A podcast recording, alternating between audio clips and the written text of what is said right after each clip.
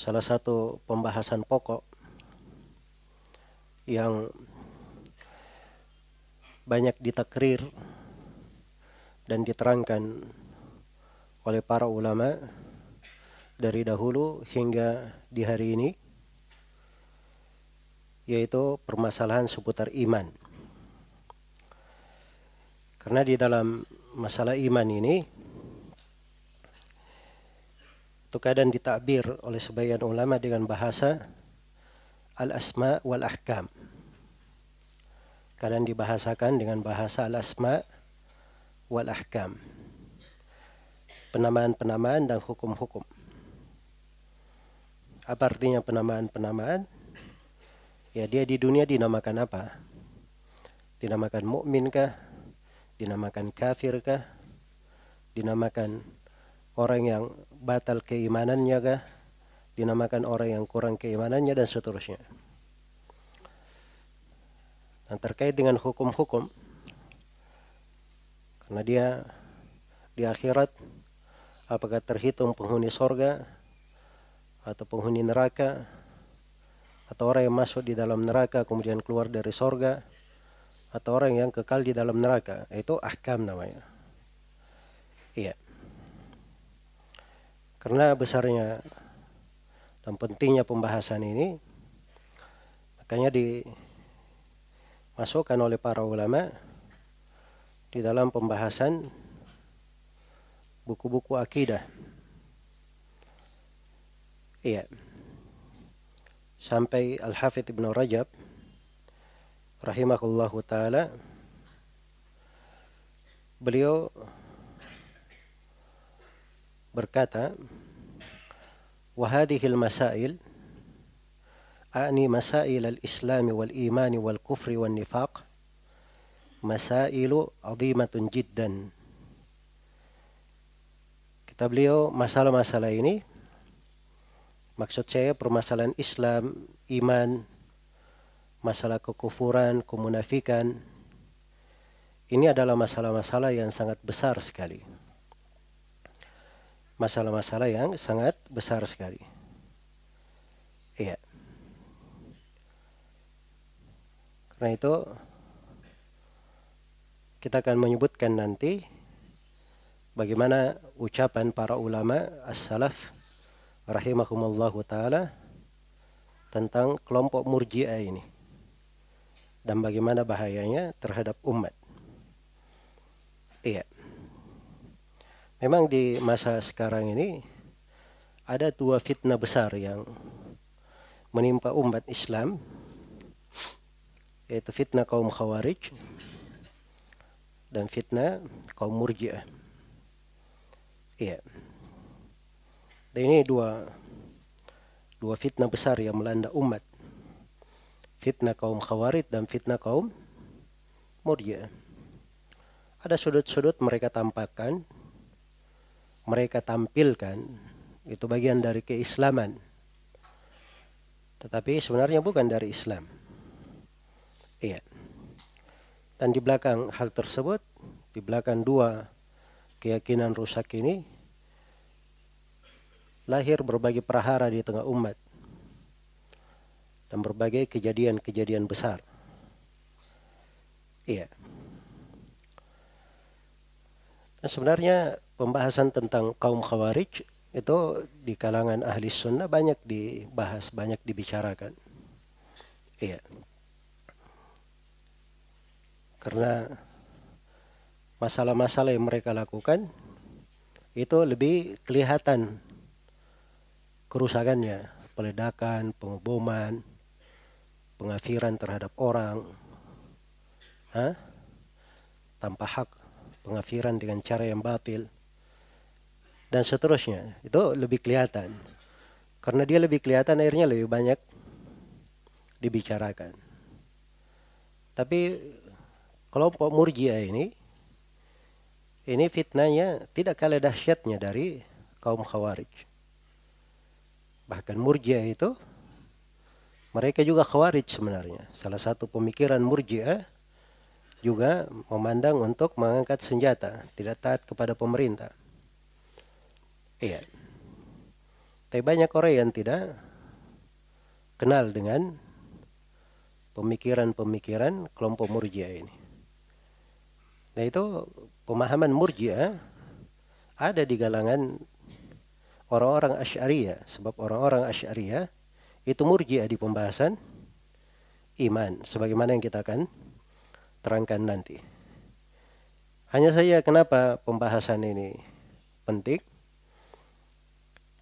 Karena di masa belakangan ini muncul orang-orang dia berpakaian dengan pakaian sunnah. Seakan-akan mengajak juga kepada jalan as-salaf. Menganggap dirinya menyuruh kepada dakwah salafiyah. Tapi hakikat pemahaman mereka adalah pemahaman murjiah. Adalah pemahaman murjiah. Ditulis buku-buku di dalam hal itu.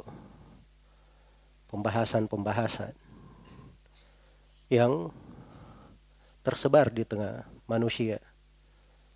Iya. Nah ini di masa belakangan ini saya semakin bertambah kekhawatiran melihat sebagian orang-orang yang terpengaruh dengan dai-dai atau tokoh-tokoh yang seperti ini mulai terucap darinya kalimat-kalimat yang mencocoki pemahaman murjiah. Iya. Dan ini suatu penyakit, suatu bahaya. Kalau tidak diingatkan dari dini dan tidak diperingatkan akan bahayanya dan diterangkan di mana sudut-sudut bahayanya, maka bisa menjadi masalah besar nanti di tengah orang-orang yang belajar sunnah. Orang-orang yang mengenal bagaimana keislaman itu, orang yang sudah cinta kepada Al-Quran dan sunnah dan mengikuti jalan para as-salaf rahimakumullahu taala. Iya. Maka di sini ada sesuai dengan tema pembahasan. Pembahasan kita adalah masalah iman antara akidah as-salaf dan akidah murjiah.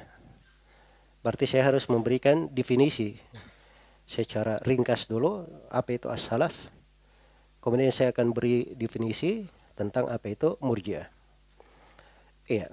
Adapun as-salaf secara bahasa adalah mereka yang diikuti dari orang-orang yang terdahulu.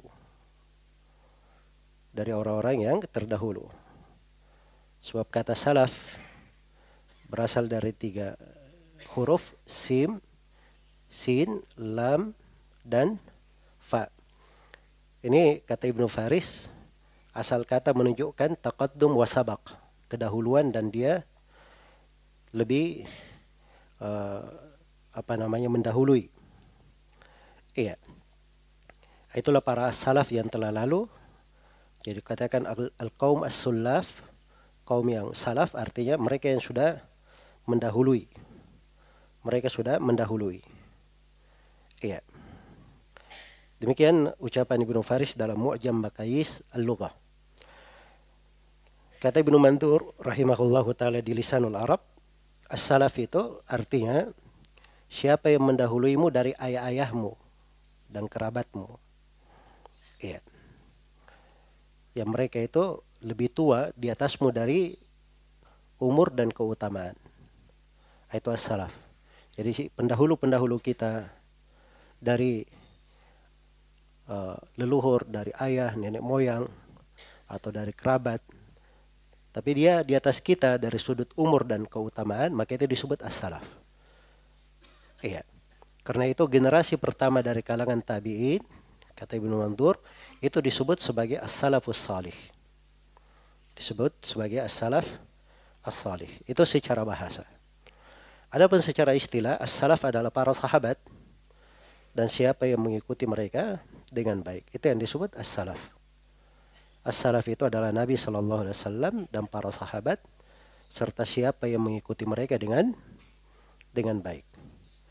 Dan ini berdasarkan firman Allah Subhanahu wa taala di surah At-Taubah ayat 100 wasabiqun al-awwaluna minal muhajirin wal ansar walladzina ittaba'uuhum bi ihsan. Orang-orang yang terdahulu lagi pertama dari kalangan muhajirin dan al-ansar. Ini para sahabat ya. Ini yang dipuji di apa namanya di level pertama. Kemudian setelah itu di bawahnya walladzina tabauhum bi ihsan. Dan orang yang ittiba mengikuti mereka dengan ihsan. Nah, disebut ihsan. Mengikuti dengan ihsan itu artinya mengikutinya biitqan dengan mutkin. Dengan mutkin betul-betul pas. Iya. Sempurna, lengkap. Nah, itu itqan namanya. Jadi kalau ada orang dia buat rumah, rumahnya itu dia buat selengkap mungkin, sesempurna mungkin, orang mengeritiknya tidak ada celahnya, ah, itu itkon namanya, mungkin namanya, kerjanya. Jadi mengikuti itu dengan itkon ibarat orang berjalan dia meninggalkan jejak-jejak, maka mengikuti dengan itkon dia melangkah di atas jejak itu persis tidak keluar darinya. Iya. Jadi bukan sekedar ikut-ikutan, tapi dia ikut dengan ilmu dia mengikutinya dengan langkah yang pasti. Iya, persis di atasnya. Maka mereka ini Allah sebutkan untuk mereka keutamaan-keutamaan para sahabat dan yang mengikutinya. Radiyallahu anhum. Pertama Allah ridha kepada mereka. Yang kedua waradu anhum dan mereka juga ridha kepada Allah. Wa a'adda lahum jannat tajri tahtaha al-anharu khalidina fiha abada. Allah siapkan untuk mereka sorga-sorga mengalir di bawahnya sungai-sungai. Khalidina fiha abada. Mereka kekal di dalamnya selama-lamanya. Di akhir ayat dikatakan dalikal fauzul azim. Dan itulah keutamaan yang paling besar. Lima keutamaan. Bagi siapa yang mengikuti jalan para as-salaf rahimakumullahu taala. Inilah yang disebut dengan as-salaf. Iya. Para ulama yang membahasakan, mendefinisikan tentang as-salaf Ya, semuanya kembali kepada kandungan dari ayat ini. Di antara kalimat ringkas yang menggambarkannya adalah apa yang dikatakan oleh As-Safarini rahimahullahu taala ketika beliau terangkan tentang madhab as-salaf. Kata beliau madhab as-salaf maka alaihi sahabatul kiram ridwanullahi alaihim. Madhab para salaf itu apa yang para sahabat yang mulia berada di atasnya. Wa ayanut tabi'in lahum bi ihsan. Dan para tabi'in yang mengikuti mereka dengan ihsan juga berada di atasnya. Wa atba'uhum dan para pengikut tabi'in. Iya, ini namanya tabi'ut tabi'in. Wa immatuddin dan para imam agama. Mimma syuhida lahu bil imamah yang dipersaksikan akan keimamannya seperti imam empat dan semisal dengannya. Wa urifa abmu wa urifa ilamu sya'nihi fid din dan diketahui keagungan kedudukannya dalam agama. Wa talakkin nas kalamahum khalfan an salaf. Dan manusia menukil ucapan-ucapan mereka dari generasi ke generasi. Ya duna man rumia bibida tidak pernah dituduh melakukan bidah. Atau syuhira bilaqabin gairu murdin. Atau dia terkenal dengan gelar yang tidak diridhai itu definisi as-salaf. Jelas ya? Jadi mereka dari tiga generasi dan setelahnya dari para imam yang manusia merujuk semua ke sana. Ucapan mereka dinukil dari masa ke masa dan mereka tidak dikenal berbuat bid'ah atau digelari dengan gelar yang tidak diridhoi. Iya. Baik. Di antara definisi yang apa namanya ringkas dan bagus tentang as-salaf seperti yang dikatakan oleh para ulama kita di Lajnah Daimah, mereka definisikan as-salaf, mereka adalah ahli sunnah wal jamaah. Al-muttabi'una li Muhammadin sallallahu alaihi wasallam. As-salaf itu adalah ahli sunnah wal jamaah yang mengikuti Nabi Muhammad sallallahu alaihi wasallam. Minas sahabati radhiyallahu anhum dari sahabat radhiyallahu anhum wa man sara ala nahjihim ila yaumil qiyamah. Dan siapa yang berjalan di atas manhaj mereka sampai hari kiamat. Baik. Jadi ini yang disebut dengan apa? As-salaf. Baik, yang kedua tentang murjiah. Apa itu murjiah? Saya definisikan dulu secara bahasa. Murjiah itu secara bahasa adalah takhir wal imhal. Mengakhirkan dan menunda-nunda atau membelakangkan. Iya. Itu kata irja secara bahasa. Seperti dalam ayat qalu arjih wa akhahu wa ba'ath fil madaini hasyirin. Firaun dan pengikutnya berkata, "Arjih, undurkan dia." Dan saudaranya, maksudnya Nabi Musa dan Nabi Harun, undurkan dan kumpul semuanya nanti di tempat perkumpulan di tempat keramaian. Maksudnya beri waktu supaya mereka berkumpul di sana. Nah, itu disebut dengan arji. Dipakai hadis itu sakta dari kata asalnya arji. Ya, bermana dari kata irja. Nah, dan secara istilah irja itu yang dimaksud adalah ikhrajul a'mal an haqiqatil iman wa musammahu. Apa yang dimaksud dengan irja?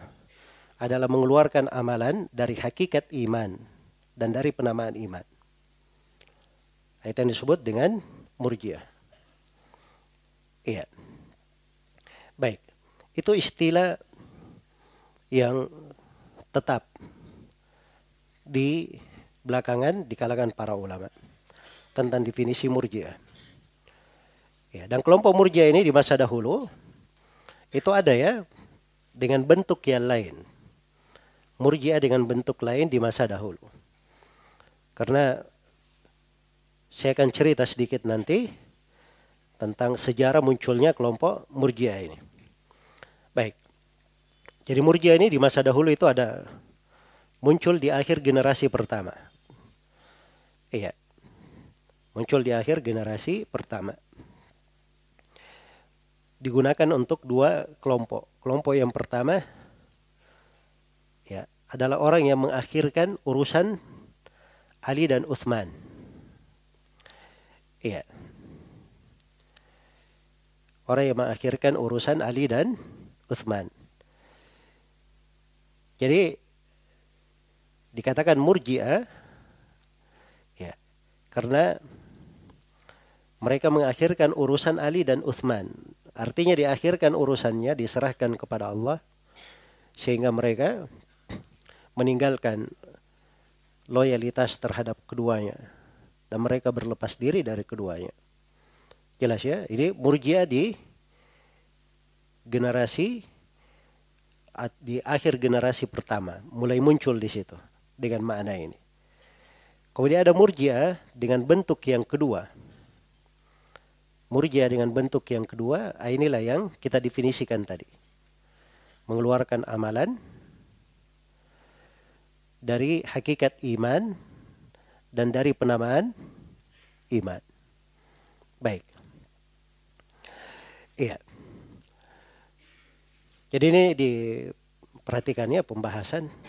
Mungkin ada kalimat-kalimat yang agak baru asing, eh, baru didengar, atau ada kalimat-kalimat yang mungkin belum begitu familiar. Ya tidak apa-apa ya.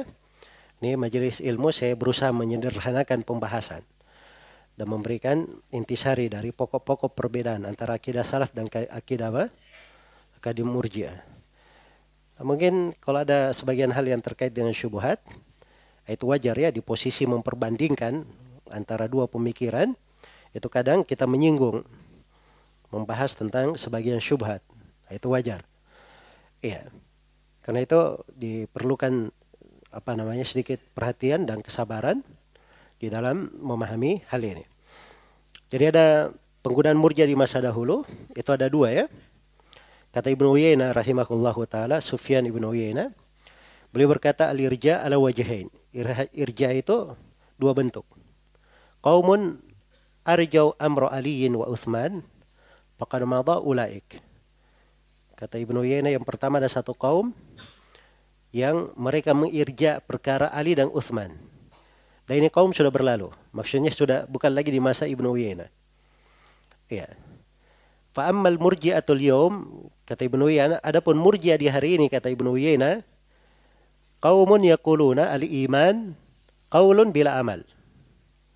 Adapun murjiah di hari ini mereka adalah satu kaum yang mengatakan bahwa iman itu adalah ucapan tanpa amalan. Ucapan tanpa amalan. Baik.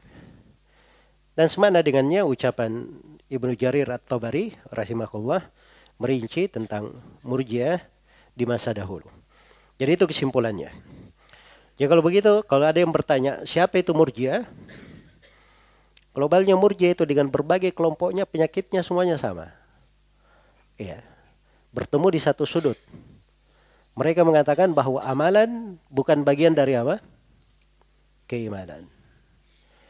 Iya tidak masuk di dalam hakikat iman atau tidak masuk di dalam penamaan iman. Hanya saja derajat irjanya berbeda-beda. Ada yang mengeluarkan amalan saya. Nah, itu pun gayanya bermacam-macam orang yang mengeluarkan amalan ini. Jelas ya? Ada yang dia keluarkan amalan, dia keluarkan juga ucapan lisan. Bagi dia keyakinan saya. Ya.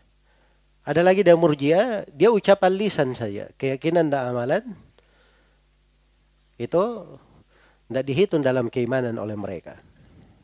Jelas ya? Jadi murjia itu beraneka ragam dan berkelompok-kelompok.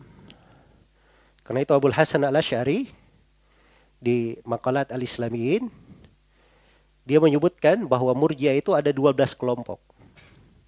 Ada 12 kelompok. Jelas ya? Baik. Tapi inti ucapan mereka kembali ke situ.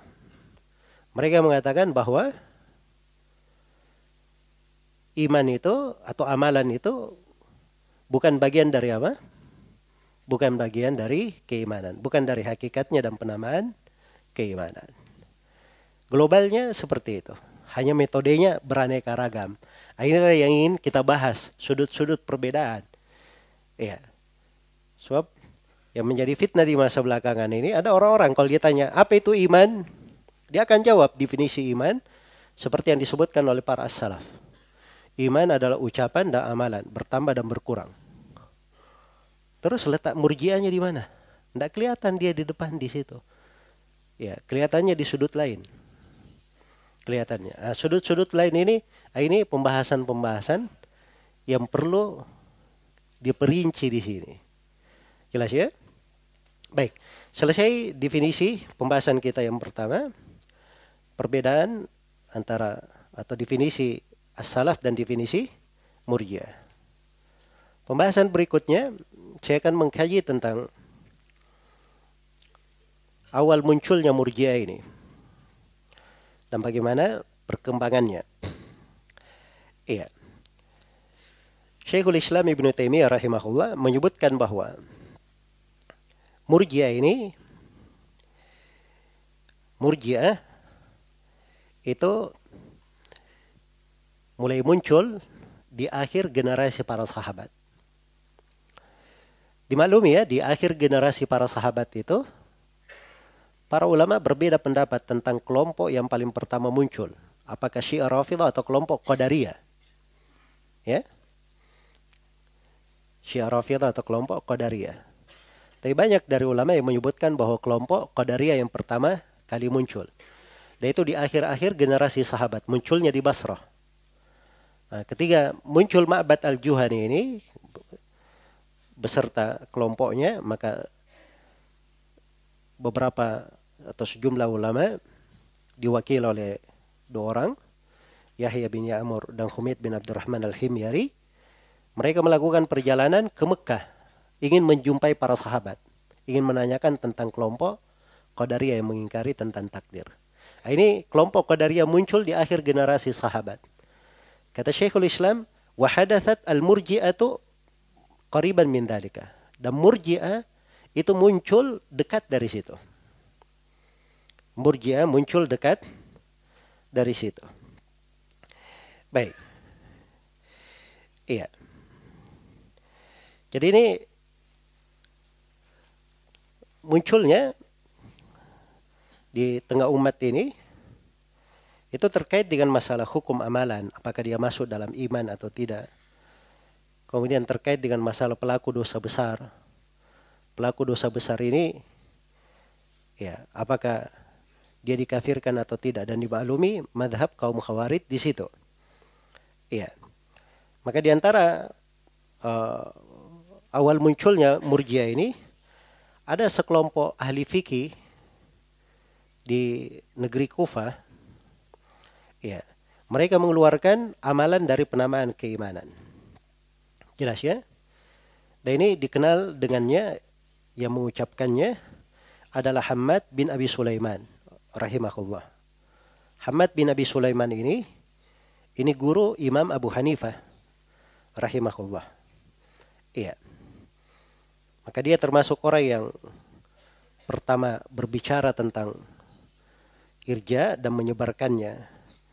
Dan diikuti oleh sekelompok dari ulama Kufa termasuk Abu Hanifah rahimahullah taala ada sebagian ucapan beliau yang mengarah ke sana. Yang mereka katakan bahwa amalan itu tidak masuk di dalam hakikat apa? Hakikat iman. Iya.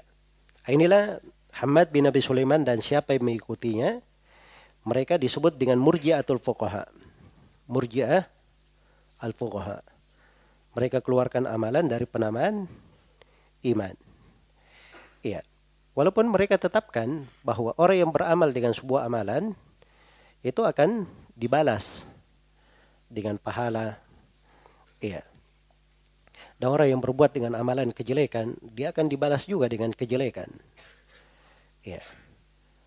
Jadi mereka tetapkan buah dari amalan. Kalau beramal itu ada buahnya. Tapi amalan menurut mereka tidak masuk ke dalam apa? Tidak masuk ke dalam iman. Dia hanya buah saja. Iya. Itu adalah buah dari amalan. Baik. Demikian pula mereka meyakini tentang wajib melakukan al-faraid, sholat, ya, zakat, puasa, haji, dan wajib meninggalkan hal yang diharamkan, ya haramnya berzina, minum khamar dan seterusnya. Mereka semuanya me me memahami itu tentang kewajiban, tapi mereka katakan itu bukan dari hakikat iman, bukan dari penamaan iman. Ya maka mereka pun keluar dari jalan as-salaf di belakang hal tersebut. Karena para as-salaf itu sebagaimana yang akan diterangkan, mereka memandang bahwa iman itu pengakuan dengan lisan, pembenaran dengan hati, ya. Kemudian amalan dengan anggota tubuh dan para salaf juga memandang bahwa amalan itu bagian dari penamaan iman dan hakikat iman. Dan para salaf memandang bahwa iman itu bertambah dan berkurang. Baik. Jadi ini hal-hal yang berjalan di di apa namanya di awal kali munculnya murjia ini. Ya karena itu Al Fadil bin Iyad beliau berbicara tentang murjia ini. Mereka katakan al irja mereka yang berkata iman qaulun bila amal, ucapan tanpa amalan. Mereka yang berkata bahwa iman ucapan tanpa amalan. Ya demikian pula kata Waki bin Al-Jarrah rahimahullah Al-murji'ah alladziina yaquluna al-iqrar yujzi'u anil amal. Orang-orang murji'ah itu ya, mereka yang mengatakan bahwa ikrar, pengakuan itu itu mencukupi dari amalan. Ya sekedar diakui ya, dia yakini maka itu cukup dari beramal, tidak perlu amal. Maksudnya amalan tidak masuk dari keimanan. Ya. Dan Waki sendiri berkata siapa yang berucap seperti ini dah halak. Siapa yang berucap seperti ini maka dia telah binasa. Iya. Dia telah binasa. Baik. Dan banyak ya ucapan para ulama rahimahumallahu taala terkait dengan awal kali munculnya murjia ini. Terus berkembang ya. Murjia ini di Kufa ya. Dan waktu itu ada Ibrahim An-Nakhai rahimahullahu taala dan beliau adalah imamnya penduduk negeri Kufa, Syekhnya Hamad bin Abi Sulaiman. Ya. Dan Ibrahim bin Nakhai termasuk orang yang paling keras mengingkari mereka. Mengingkari apa namanya? Murjia ini ketika munculnya. Iya. Dan uh, mereka orang-orang yang menyelisih jalannya kaum murjiah sama dengan para ulama di masanya seperti Al-Qamah Ibnu Qais Al-Aswad bin Qais. Ini semua dari para ulama murid-murid Abdullah bin Mas'ud. Mereka semuanya menyelisih jalan kaum murjiah. Iya. Karena itu kata Syekhul Islam, ثم إن السلف والأئمة اشتد إنكارهم على هؤلاء وتبديعهم وتقليد القول فيهم. Kemudian para salaf itu sangat keras sekali pengingkaran. Kemudian para salaf dan para imam sangat keras pengingkaran mereka terhadap kelompok murjiah ini. Dan para salaf membid'akan mereka. Dan sangat tebal ucapannya tentang mereka. Iya. Walaupun kata beliau saya tidak tahu di antara mereka ada yang mengafirkan murjiah. Bahkan mereka bersepakat bahwa kaum murjiah ini, murjiatul fuqaha itu tidak dikafirkan. Nah, setelah itu baru muncul kelompok Jahmiyah. Kelompok Jahmiyah ini pengikut siapa? Jaham bin Sofwan. Ya, yang dia meyakini bahwa iman itu cukup ma'rifah. Iman itu cukup apa? Pengetahuan saya. Iman itu cukup pengetahuan saya. Iya. Baik. Nah, ini kelompok Jahmiyah ini beraneka ragam ya dan dari kerusakan pemahamannya dia memberi pengaruh pada kelompok-kelompok yang lain orang-orang lain sehingga mewarisi ucapan kelompok Jahmiyah ini jelas ya dan ini kita akan bahas ya Jadi kalau orang-orang Jahmiyah mengatakan iman itu cukup pengetahuan saya maka hasilnya Fir'aun juga berarti apa? Hah? Mukmin. Ya. Firaun juga mukmin. Karena itu orang-orang yang mewarisi pemahaman Jahmiyah ini ada namanya Ibnu Arabi itu menulis buku Imanu Fir'aun, keimanan Fir'aun. Ya. Dibangun di atas dasar pemikiran ini. Karena Fir'aun itu dia sudah meyakini bahwa Allah adalah sembahan yang hak. Bukankah Fir'aun disebutkan ucapannya di dalam Al-Quran ketika dia akan tenggelam? Ya, dia berkata aman tuh annahu la ilaha illa alladhi amanat bihi banu Israel wa ana minal muslimin. Saya beriman bahwa Allah itu tidak ada ilah kecuali dia sebagaimana yang diimani oleh Bani Israel dan saya termasuk orang yang berislam. Berarti Firaun seorang apa? Seorang mukmin sebab dia sudah kenal. Dan Firaun itu dia tahu Allah Subhanahu wa taala, cuman dia menentang keras kepala. Karena itu dikatakan dalam Al-Qur'an wajahadu biha wastaiqanatha anfusuhum. Mereka itu menentangnya. Tapi jiwa-jiwa mereka yakin tentang apa yang dibawakan oleh Nabi Musa. Jelas ya? Kalau begitu pengetahuan ada Firaun. Berarti Firaun adalah apa? Mukmin menurut menurut mereka ini. Antum semua ketawa kan? Ya, karena ini ucapan yang pasti tidak diterima. Jelas ya, ucapan yang batil. Ya, jangan dikira ucapan ini tidak ada pewarisnya. Setiap kaum itu ada pewarisnya. Ya. Saya pernah diberitahu kawan-kawan ada seminar dekat-dekat sini. Ya. Tahun 95-an. Ya. Seminar judulnya Fir'aun Mukmin Sejati. Ya. Jadi Ibnu Arabi ini penulis sudah lama ya, mulhid Ibnu Arabi Nah, ini orang-orang orientalis belajarnya dari barat-barat sana. Nah, bikin seminar seperti itu judulnya. Jelas ya?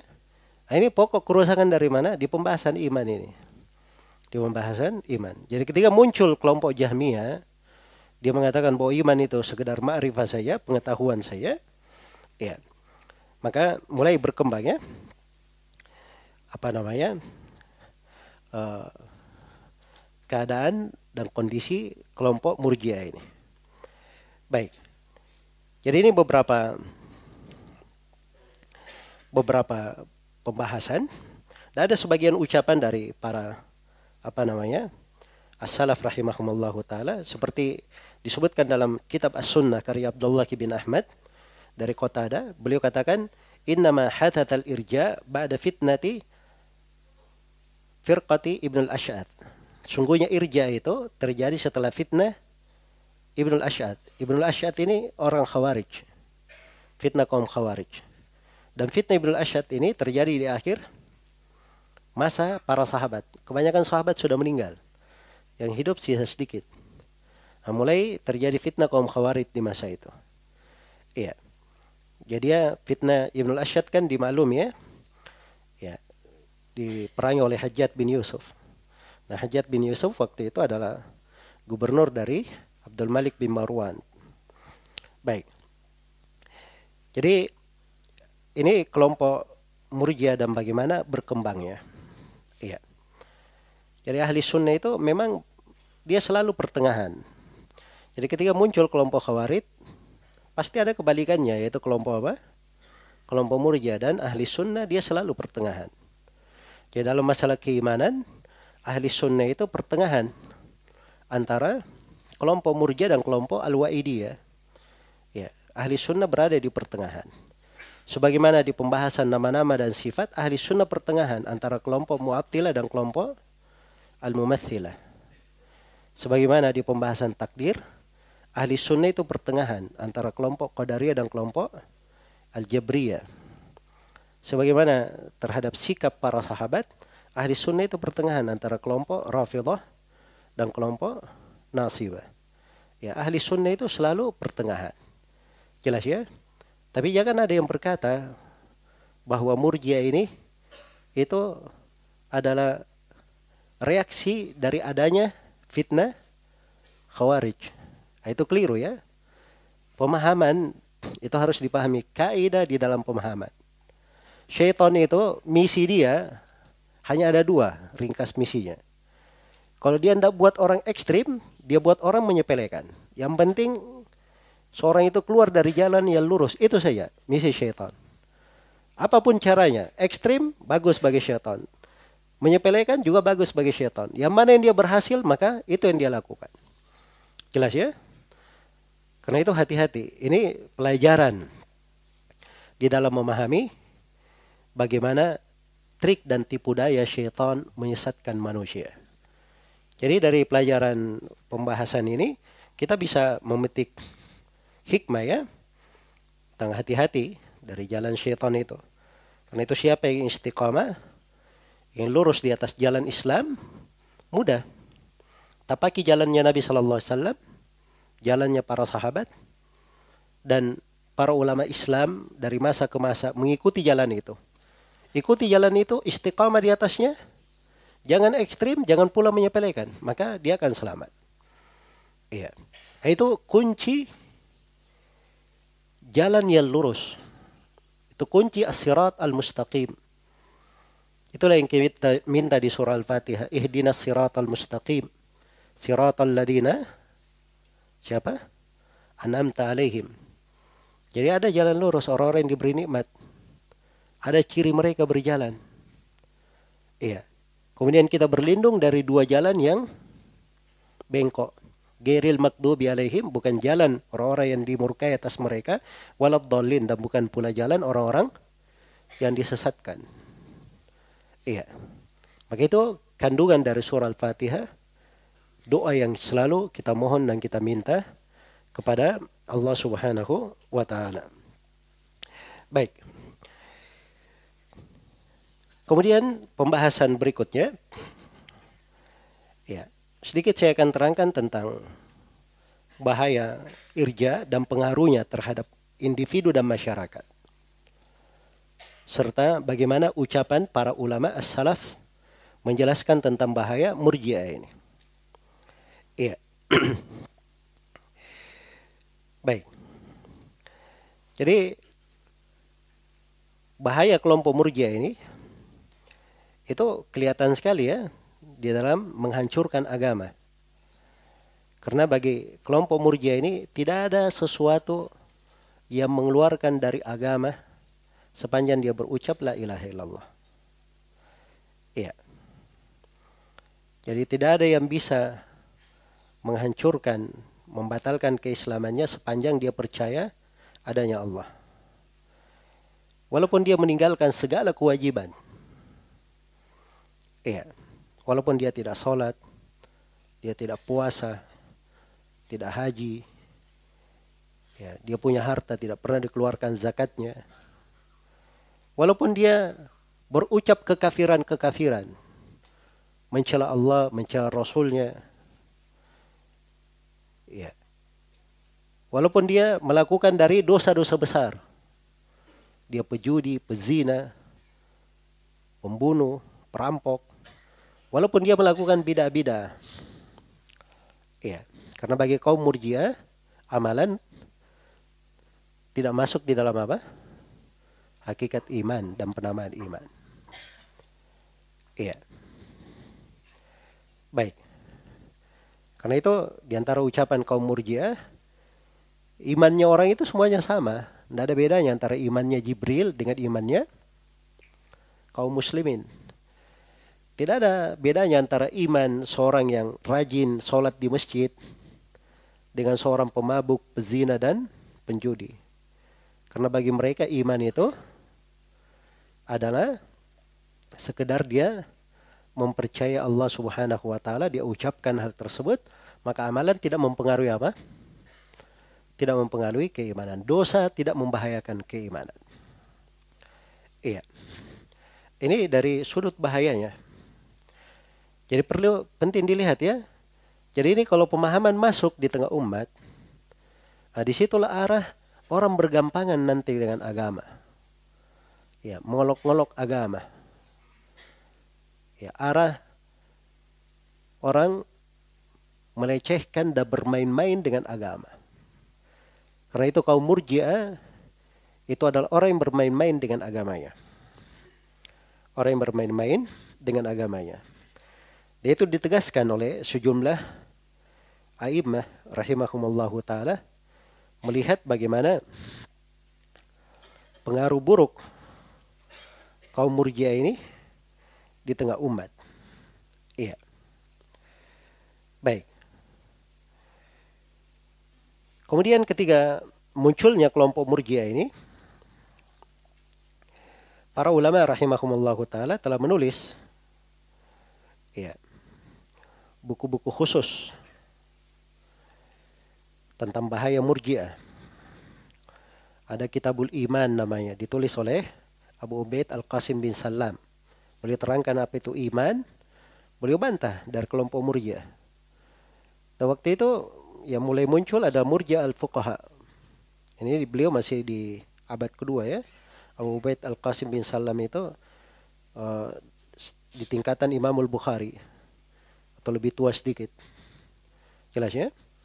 Baik. Demikian pula ada Kitabul Iman karya Al-Hafidh Abu Bakar bin Abi Syaibah. Ini guru Al-Bukhari, guru Imam Muslim. Abu Bakar bin Abi Syaibah, Abdullah bin Muhammad bin Ibrahim bin Uthman dari Kufa. Beliau menulis Kitabul Iman. Iya. Baik. Nah itu bukunya ada ya, sudah dicetak. Demikian pula ditulis di pembahasan iman ada bantahan terhadap kelompok Jahmiyah juga di pembahasan iman ditulis oleh Uthman bin Said Ad-Darimi. Iya. Dan subhanallah hampir buku-buku yang memuat tentang sunnah pasti disebut seperti Sahih Al-Bukhari ada kitabul iman di dalamnya. Sahih Muslim ada kitab Al-Iman di dalamnya. Bahkan Imam Al-Bukhari sebelum beliau berbicara tentang masalah yang lain, beliau mulai dulu dengan pembahasan iman. Sama dengan Imam Muslim. Demikian pula Abdullah bin Ahmad. Awal kali pembahasan akidah beliau dalam As-Sunnah, beliau bahas dulu tentang masalah iman. Ya. Jadi ini perhatian para ulama salaf rahimahumallahu taala ya di dalam hal ini. Karena itu mereka memperingatkan keras tentang kelompok murjiah ini. Iya. Nah itu datang dari Syed bin Jubair, beliau katakan orang-orang murjiah itu Yahudinya ahli kiblat, Yahud Yahudul kiblat. Iya. Jadi bagaimana ceritanya seperti itu? Beliau kasih perumpamaan. Jadi itu orang Yahudi apa orang-orang Murjiah ini seperti orang-orang as-saibin. Mereka datang kepada orang Yahudi, ya, tanya orang Yahudi, apa agama kalian? Agama kami Yahudi. Baik, apa kitab suci kalian? Kitab suci kami Taurat. Terus, siapa yang ikut di agama kalian, apa yang dia dapat? masuk surga. Setelah itu dia datang lagi ke orang Nasor. Dia tanya apa agama kalian? Kami adalah Nasara. Siapa eh, apa kitab suci kalian? Kitab suci kami adalah Injil. Siapa yang ikut agama kalian? Apa yang dia dapat? Dia dapat sorga. Jadi ini semuanya sorga. Ya. Jadi mereka katakan kalau begitu kami antara dua agama ini. Kami antara dua agama ini. Jelas ya? Baik. Jadi dia ingin bermain-main dengan semuanya. Karena itu kata Ibrahim An-Nakhai rahimahullah. Ini Ibrahim An-Nakhai, guru Hamad Ibnu Abi Sulaiman. Salah seorang murid senior Abdullahi bin Mas'ud radhiyallahu taala anhu. Ulama terkenal di masanya dan rujukan fatwa manusia. Beliau berkata, "La fitnatul murji'ah akhwafu ala hadhihi al-ummah min fitnatil azariqah." Kata beliau, sungguh fitnah kelompok murjiah itu lebih besar terhadap umat ini daripada fitnah kelompok khawarij. Lebih besar dari fitnah kelompok khawarij. Iya. Baik. Dan beliau juga katakan, saya tidak mengetahui ada orang yang paling dungu di dalam pemahamannya melebihi kelompok murjiah. Iya. Baik. Dan Imam Mujahid bin Jabir. Tahu Mujahid bin Jabir ya? Salah seorang ahli tafsir, murid senior Ibnu Abbas. Beliau berkata, ya, kelihatan di tengah kalian ada orang-orang murjiah. Nanti setelah itu murjiah ini berubah menjadi qadariyah. Setelah itu berubah menjadi orang majusi. Ya. Karena pemahaman mereka yang terlalu bergampangan itu bisa membuat mereka ke mana-mana. Itu kelompok murjiah. Jelas ya? Nah itu punya pengaruh ya. Sampai orang-orang yang terjangkit pemahaman irja di masa sekarang. ya Itu bergampangan dengan bida, dengan ahlul bida. Ya. Dan itu dari pengaruh pemahaman. Ya, pengaruh pemahaman. Ya, senada dengannya Yahya Ibnu kayaknya Yahya bin Abi Kathir ya dari kota ada mereka berkata tidak ada dari ahlul bidah yang lebih mengkhawatirkan terhadap umat ini di kalangan ulama melebihi murjiah. Dan kata Imam Az-Zuhri rahimahullah, Az-Zuhri Muhammad bin Muslim Ibnu Syihab Az-Zuhri, beliau berkata mabtudiat fil islami bid'atun adarra ala ahlihi min hadhihi yakni irja. Kata beliau tidak pernah ada bid'ah di dalam Islam ini sebuah bid'ah yang lebih berbahaya daripada bid'ah ini. Dia tunjuk bid'ah murjiah. Iya sebut bidah murjiah. Dan banyak lagi ya dari ucapan para a'immah dalam hal ini Al-Amash, Sufyan Ats-Tsauri, Sufyan ibn Uyainah, ya, Imam Malik rahimahullah. Imam Malik itu ditanya tentang sore yang bernama Abul Juwairiyah atau Abul Jauriyah. Dia ini berpemahaman irja. Kata Imam Malik, la tunakihu, jangan kalian nikahkan dia. Iya. Jangan kalian nikahkan dia. Itu fatwanya Imam Malik rahimahullah. Ya. Baik. Jadi kalau saya bacakan semuanya dari ucapan-ucapan para a'immah di dalam hal ini itu sangat banyak sekali. Ya. Sangat banyak sekali dan cukup apa yang disebut oleh Abu Hatim dan Abu Zura Ar-Razi bahwa mereka berkeliling ke seluruh pelosok negeri Islam di masa mereka dan semua ulama Islam bersepakat. Di antara kesepakatannya ada beberapa hal. Di antaranya adalah murjia adalah kelompok yang sesat. Adalah orang-orang yang tersesat. Baik. Jadi ini sekilas tentang bagaimana bahaya murjiah dan pendapat para ulama tentang kelompok murjiah ini. Sekarang saya akan masuk ke dalam inti pembahasan. Iya. Apa yang membedakan antara akidah salaf dan akidah murjiah. Baik. Mungkin saya akan poinkan beberapa pokok-pokok masalah. Kemudian saya ikutkan sudut-sudut pembahasan yang lain. Ya. Dan mungkin di akhirnya saya akan berikan kesimpulan-kesimpulan untuk poin-poinnya. Ya mungkin di sela-sela pokok pembahasan ada bercabangnya pembahasan-pembahasan lain. Tapi insya Allah nanti saya akan simpulkan ya kesimpulan tentang hal tersebut. Perbedaan masalah iman antara akidah salaf dan akidah murjiah. Baik, apa itu iman di kalangan as-salaf? Pokok yang pertama, di dalam definisi iman. Iya, dalam mendefinisikan iman. Para as-salaf rahimahullah, mereka mendefinisikan iman secara bahasa. Iman itu dari kata amana, yu'minu, imanan. Ya. Amana yu'minu imanan. Jadi asal kata iman itu, itu dari kata aman, keamanan, tumak ninanya jiwa, dan hilangnya rasa takut. Iya. Jelas ya? dan keamanan dan tumak nina itu ada di hati kalau dia membenarkan dan dia tunduk, terikat. Dia terikat. Baik. Karena itu didefinisikan oleh kebanyakan definisikan oleh para salaf rahimahullah bahwa iman itu adalah al-iqrar. Iman itu adalah pengakuan. Iman itu adalah apa? Pengakuan, bukan sekedar tasdik bukan sekedar pembenaran.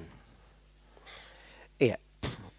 Diperhatikan di sini ada kalimat yang penting untuk di garis bawah ya. At-tasdiq dan al-iqrar. Apa bedanya? Ya. Beda ya kalau tasdik itu pembenaran. Ya, dia benarkan. Tapi dia benarkan belum tentu dia tunduk, belum tentu dia menerima. Jelas ya? Tapi kalau al-ikrar, ikrar itu itu mengandung makna dia tunduk dan terikat. Secara lahir dan batin. Itu makna ikrar. Iya. Dan iman didefinisikan dengan makna ikrar itu lebih tepat. Secara bahasa. Jelas ya? Jadi kalau ada dari sebagian ahli sunnah yang mendefinisikan iman dengan makna tasdik, ini definisi kurang. Mungkin maksudnya bagus tapi kurang tepat. Jelas ya? Kurang tepat. Karena ikrar itu uh, iman itu mengandung makna apa? Makna lebih daripada itu. Karena itu iman kebalikannya adalah apa? Hah? Kekafiran. Lawannya iman adalah apa? Kekafiran. Kalau tasdik, pembenaran. Lawannya takdib. Lawannya adalah apa? Adalah takdib. Iya. Jadi beda antara dua hal. Baik. Jadi itu dua sudut perbedaannya di dalam masalah kenapa iman secara bahasa harus diartikan dengan apa? Dengan al-iqrar. Dengan al-iqrar. Iya. Satu karena al-iqrar itu mengandung makna apa?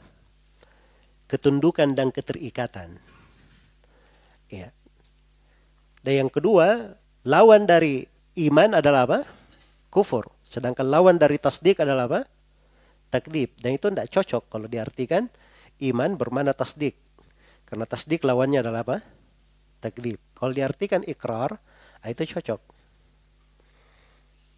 Dia sangat mencocoki. Baik. Ada pembahasan yang lain ya di sudut kenapa harus dijelaskan bahwa iman itu harus bermana ikrar. Ya mungkin bisa diuraikan dari tujuh sudut pembahasan. Cuman saya meringkas di sini ya, saya nggak sebutkan karena waktu kita tidak banyak untuk memaparkan semua sudut pembahasan di sini. Tapi definisi secara bahasa ini ada kaitannya secara istilah. Karena di antara kelompok murjiah ada yang mengatakan bahwa iman itu cukup apa? Tasdik saya pembenaran. Jelas ya? Dan itu sudah terbantah dari sudut bahasa. Karena dari sudut bahasa itu, iman itu bermakna ikrar. Dan ikrar itu mengandung ketundukan dan ingkiat, keterikatan secara zahir dan apa? Secara zahir dan batin. Ya. Berarti kaitannya bukan dengan hati saja. Ada kaitannya dengan lisan, ada kaitannya dengan apa? Anggota tubuh. Jadi makna secara bahasa ya itu sudah sangat berpengaruh besar di dalam mendefinisikan secara apa? Secara istilah. Baik. Hakikat iman di kalangan para salaf yang disepakati oleh para salaf iman itu ya itu terkumpul dari beberapa perkara. Yang pertama ada qaulul qalb, ucapan hati. Yang pertama, ada ucapan hati. Yang kedua, amalul qalb. Ada amalan hati. Kemudian yang ketiga, qaulul lisan. Ada ucapan lisan. Dan yang keempat, ada amalan lisan. Kemudian yang kelima, ada amalan anggota tubuh. Berarti semuanya ada berapa? Semuanya ada lima. Iya. Globalnya itu yang dikatakan oleh para as-salaf rahimahumallahu taala. Al-Bukhari ya. Beliau menceritakan dirinya mendatangi berbagai negeri. Dia sebut negeri-negeri yang dia masuki. Sampai dia terangkan saya masuk di situ berapa kali. Dari guru-gurunya lebih seribu orang itu semuanya bersepakat bahwa iman kaulun wa amal. Iman itu ucapan dan apa? Amalan. Ini bahasa ringkas para as-salaf tentang iman. Bahwa iman adalah apa? Kaulun wa amal. Ucapan dan amalan. Sama dengan Ibnu Abi Hatim menukil dari Abu Hatim Ar-Razi dan Abu Zur Ar-Razi. Bahwa dua imam ini berkum, berkeliling ke berbagai negeri. Ya. Tidak ada satu negeri kaum muslimin kecuali didatangi para ulamanya. Dan semua ulama Islam bersepakat bahwa iman kaulun wa amal. Ini luar biasa ya. Dan menunjukkan bagaimana kekuatan akidah itu dalam hati. Ya, coba dibayangkan, ini murid tiap kali datang ke guru, dia pasti tahu gurunya berucap seperti itu. Dari mana dia tahu? Hanya ada dua kemungkinan. Kemungkinan yang pertama gurunya langsung yang mengajari dia. Berarti itu adalah pembahasan pokok yang diingatkan oleh guru. Kamu harus tahu bahwa iman itu adalah kaulun wa amal. Atau kalau tidak, dia pasti bertanya kepada guru. Apa pendapatmu tentang iman? Maka guru menjawab, kaulun wa amal. Jelas ya? Nah, itu baru orang belajar namanya. Ya. Sehingga terbentuk keyakinan, akidah yang benar. Nah seperti banyak orang di masa ini. Kamu belajar akidah sudah? Sudah. Dari mana belajarnya?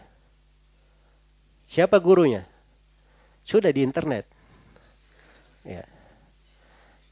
Baik. Berapa guru? Ya banyak video yang saya lihat. Nah itu banyak video itu banyak guru. Ya, ini gaya masa kini.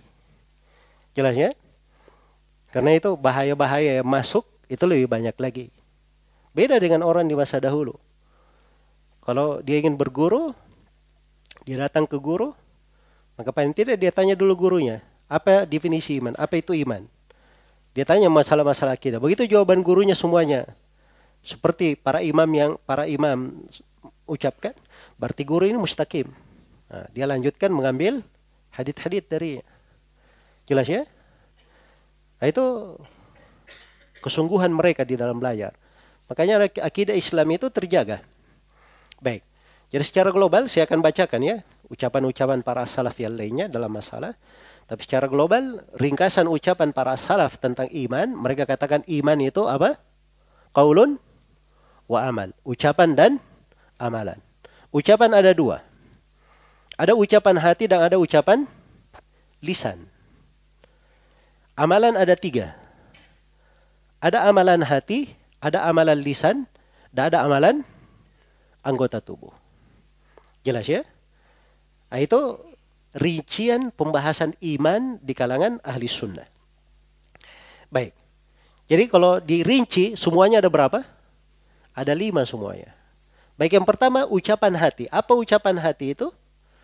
Ucapan hati itulah keyakinan, pembenaran, dan ikrar. Iya. Karena itu dalam Al-Quran dikatakan, وَالَّذِي جَاءَ بِالصِّدِقِ وَصَدَّقَ بِهِ ulaika humul muttaqun. Orang yang datang dengan kejujuran dan menjujurkannya, membenarkannya, mereka itulah orang-orang yang bertakwa. Jelas ya? Baik. Jadi di sini ketika dia benarkan yang mengharuskan dia tunduk secara zahir dan batin, ya, maka dia digolongkan sebagai orang yang bertakwa. Dan takwa inilah yang menyelamatkan dia dari api neraka. Yang menyelamatkan dia dengan api neraka. Berarti ini keselamatan dari api neraka ini tidak terjadi kecuali dengan apa? Dengan keimanan. Nah, inilah ucapan hati namanya. Ini ucapan hati. Baik. Yang kedua amalan hati. Amalan hati itu apa? Amalan hati seperti ikhlas, seperti niat, seperti rasa malu. Nah, itu disebut amalan-amalan, rasa takut, tawakal. Ya, karena itu dalam Al-Qur'an dikatakan innamal mu'minuna alladzina idza dzukirallahu wajilat qulubuhum wa idza tuliyat alaihim ayatuhu zadathum imanan wa ala rabbihim yatawakkalun. Sungguhnya orang-orang yang beriman itu adalah orang-orang yang apabila disebut nama Allah bergetar hati-hatinya. Apabila dibacakan ayat-ayatnya mereka bertambah keimanan. Dan terhadap robnya mereka selalu bertawakal. Nah, ini semuanya amalan-amalan. Dan ini terkait dengan apa? Terkait dengan hati. Baik, yang ketiga ucapan lisan. Ucapan lisan itu adalah bersyahadat la ilaha illallah. Itu ucapan lisan bersyahadat la ilaha illallah. Innal ladina qalu rabbuna Allahu thumma istaqamu. Sungguhnya orang-orang yang berkata Rabb kami adalah Allah. Kemudian istiqamah. Iya. Kemudian istiqamah. Baik.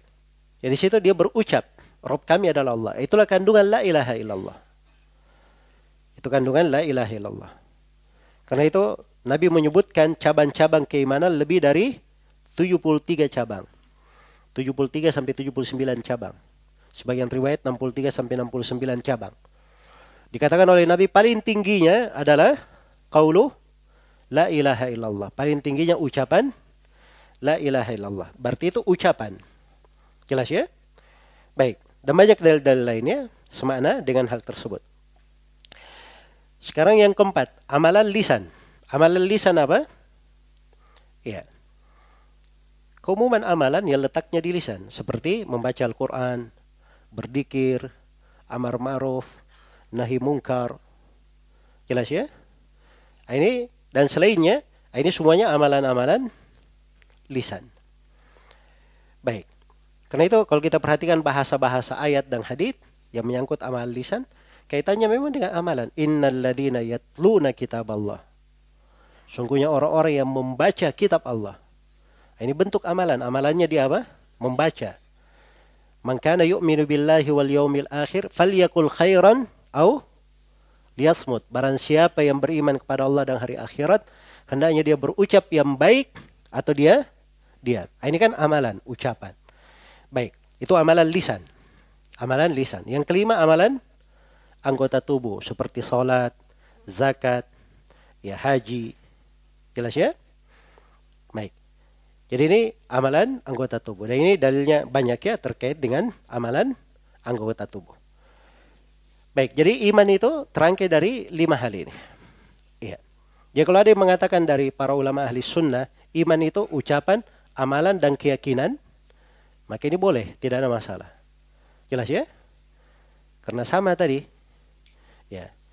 Karena orang yang mengatakan ucapan dan amalan, mereka bagi ucapan ada berapa tadi? Ada dua amalan ada berapa? Ada tiga. Rinciannya sama juga. Ucapan, amalan, dan apa? Keyakinan. Jelas ya? Ucapan, amalan, dan keyakinan. Itu tidak bertentangan. Sebagaimana tidak bertentangan dengan orang yang mengatakan bahwa iman itu al-qawlu bil lisan wal i'tiqad bil janan wal amalu bil jawarihi wal arkan. Iman itu adalah ucapan dengan lisan, amalan keyakinan di dalam hati dan amalan dengan apa? Anggota tubuh. Ya. Ini tidak bertentangan ya dari sudut keimanan terkait dengan apa? Tiga hal ini. Walaupun kalimat qaulun wa amal itu lebih luas cakupannya. Lebih luas cakupannya dan lebih mendalam. Lebih mendalam. Karena itu kata Imam Al-Auza'i rahimahullahu taala, la yastakimul iman illa bil qaul. Iman itu tidak mustaqim kecuali dengan ucapan. Wala yastaqimu al-iman wal qawlu illa bil amal. Dan iman iman dan ucapan tidak istiqamah kecuali dengan amalan. Wala yastakinul imanu wal qaul wal amalu illa biniyah. Illa biniyati muwafaqatis sunnah. Dan tidak akan istiqamah iman, ucapan, amalan kecuali dengan niat mencocoki sunnah. Mencocoki sunnah. Baik. Kata Sufyan ats-Tsauri rahimahullah, la yastaqimu qaulun illa bi amal. Ucapan tidak istiqamah, tidak mustaqim, tidak lurus kecuali dengan amalan. Wala yastaqimu qaulun wa amalun illa biliyah. Dan tidak akan lurus ucapan dan amalan kecuali dengan niat. Niat ini bahasa lain untuk keyakinan ya. Baik. Kemudian kata beliau dan tidak istiqamah ucapan, amalan dan niat illa bimuwafaqati sunnah kecuali kalau mencocoki kecuali kalau mencocoki sunnah. Iya. Kata Sahal bin Abdullah At-Tasturi rahimahullahu taala ketika ditanya tentang iman, maka beliau katakan iman qaulun wa niyatun wa amalun wa sunnah. Empat. Qaulun ucapan, wa niyatun niat, niat ini keyakinan. Terus wa amalun amalan dan sunnah mencocoki sunnah. Jelas ya? Karena iman apabila ucapan tanpa amalan, kata beliau itu adalah kufur. Kalau iman ucapan amalan tanpa niat, maka itu kemunafikan. Kalau iman ucapan amalan niat tapi tanpa sunnah, maka itu namanya bid'ah. Itu namanya apa? Bid'ah. Baik. Jadi terangkai dari empat hal. Iya. Jadi ini beberapa uh, kalimat dari para salaf rahimahumullahu taala tentang masalah iman. Baik. Di sini ada ucapan Imam Syafi'i disebutkan dalam syarah i'tiqad ahli sunnah wal jamaah Syafi'i berkata ya wa kana al-ijma' min as-sahabati wat tabi'in wa man ba'dahum wa man adraknahum adalah kesepakatan kata Imam Syafi'i dari para sahabat dari para tabi'in dan siapa yang datang setelah mereka dan ulama yang kami temui kata Imam Syafi'i semuanya berkata al-imanu qaulun wa amalun wa niyah iman itu ucapan amalan dan apa dan niat. Wala yajzi'u wahidun minas thalatha illa bil akhar. Salah satu dari tiga ini tidak akan syah kecuali dengan yang lainnya. Jadi saling terikat. Semuanya rukun di dalam keimanan. Semuanya adalah apa? Hakikat dan bagian dari keimanan. Iya.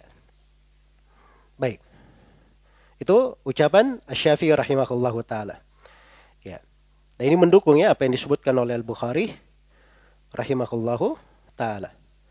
Demikian pula disebutkan dari Al-Hasan Al-Basri, beliau berkata, La yasihhul qaul illa bi amal. Ucapan tidak syah kecuali dengan amalan. Wala yasihhu qaulun wa amalun illa bi niyah. Dan tidak syah ucapan dan amalan kecuali dengan niat. Wala yasihhu qaulun wa amalun wa niyatun illa bis sunnah. Dan tidak akan syah ucapan, amalan, niat kecuali dengan kecuali dengan sunnah. Baik. Ini kalau dibaca semua dari ucapan para imam di dalam hal ini, masya Allah ya, semuanya banyak sekali. Ya, dari imam-imam yang terkenal seperti Imam Malik rahimahullah taala, Sufyan ibnu Yena, ya, dan selainnya itu sangat banyak sekali. Jadi semuanya menukil kesepakatan, ijma tidak ada silam pendapat di kalangan para ulama rahimahumullahu taala bahwa iman itu ucapan dan apa? dan amalan. Sisi rinciannya tadi ucapan ada berapa tadi? Ada dua, ucapan hati dan ucapan lisan. Amalan ada berapa? Ada tiga. Ada amalan hati, amalan lisan, dan amalan anggota tubuh. Bahasa lainnya mengatakan keyakinan, ucapan dan apa? amalan. Bahasa lainnya niat, ucapan, amalan dan sunnah. Itu semuanya tidak ada perbedaan. Semuanya maknanya sama. Jelas ya? Baik. Itu akidah as-salaf. Sekarang kita lihat bagaimana akidah murjiah. Iya. Bagaimana akidah murjiah. Di dalam bab ini orang-orang murjiah adalah beberapa ucapan. Murjiah yang paling ekstrimnya adalah kelompok Jahmiyah. Iya. Di antara murji yang paling ekstrim adalah kelompok apa? Jahmiyah. Ya Masya Allah ya, Jahmiyah ini na'udzubillah. dia di semua pembahasan ekstrim di situ. Di pembahasan iman, dia murja kelas ekstrim. Di pembahasan takdir, dia jabria kelas kakap. Ya.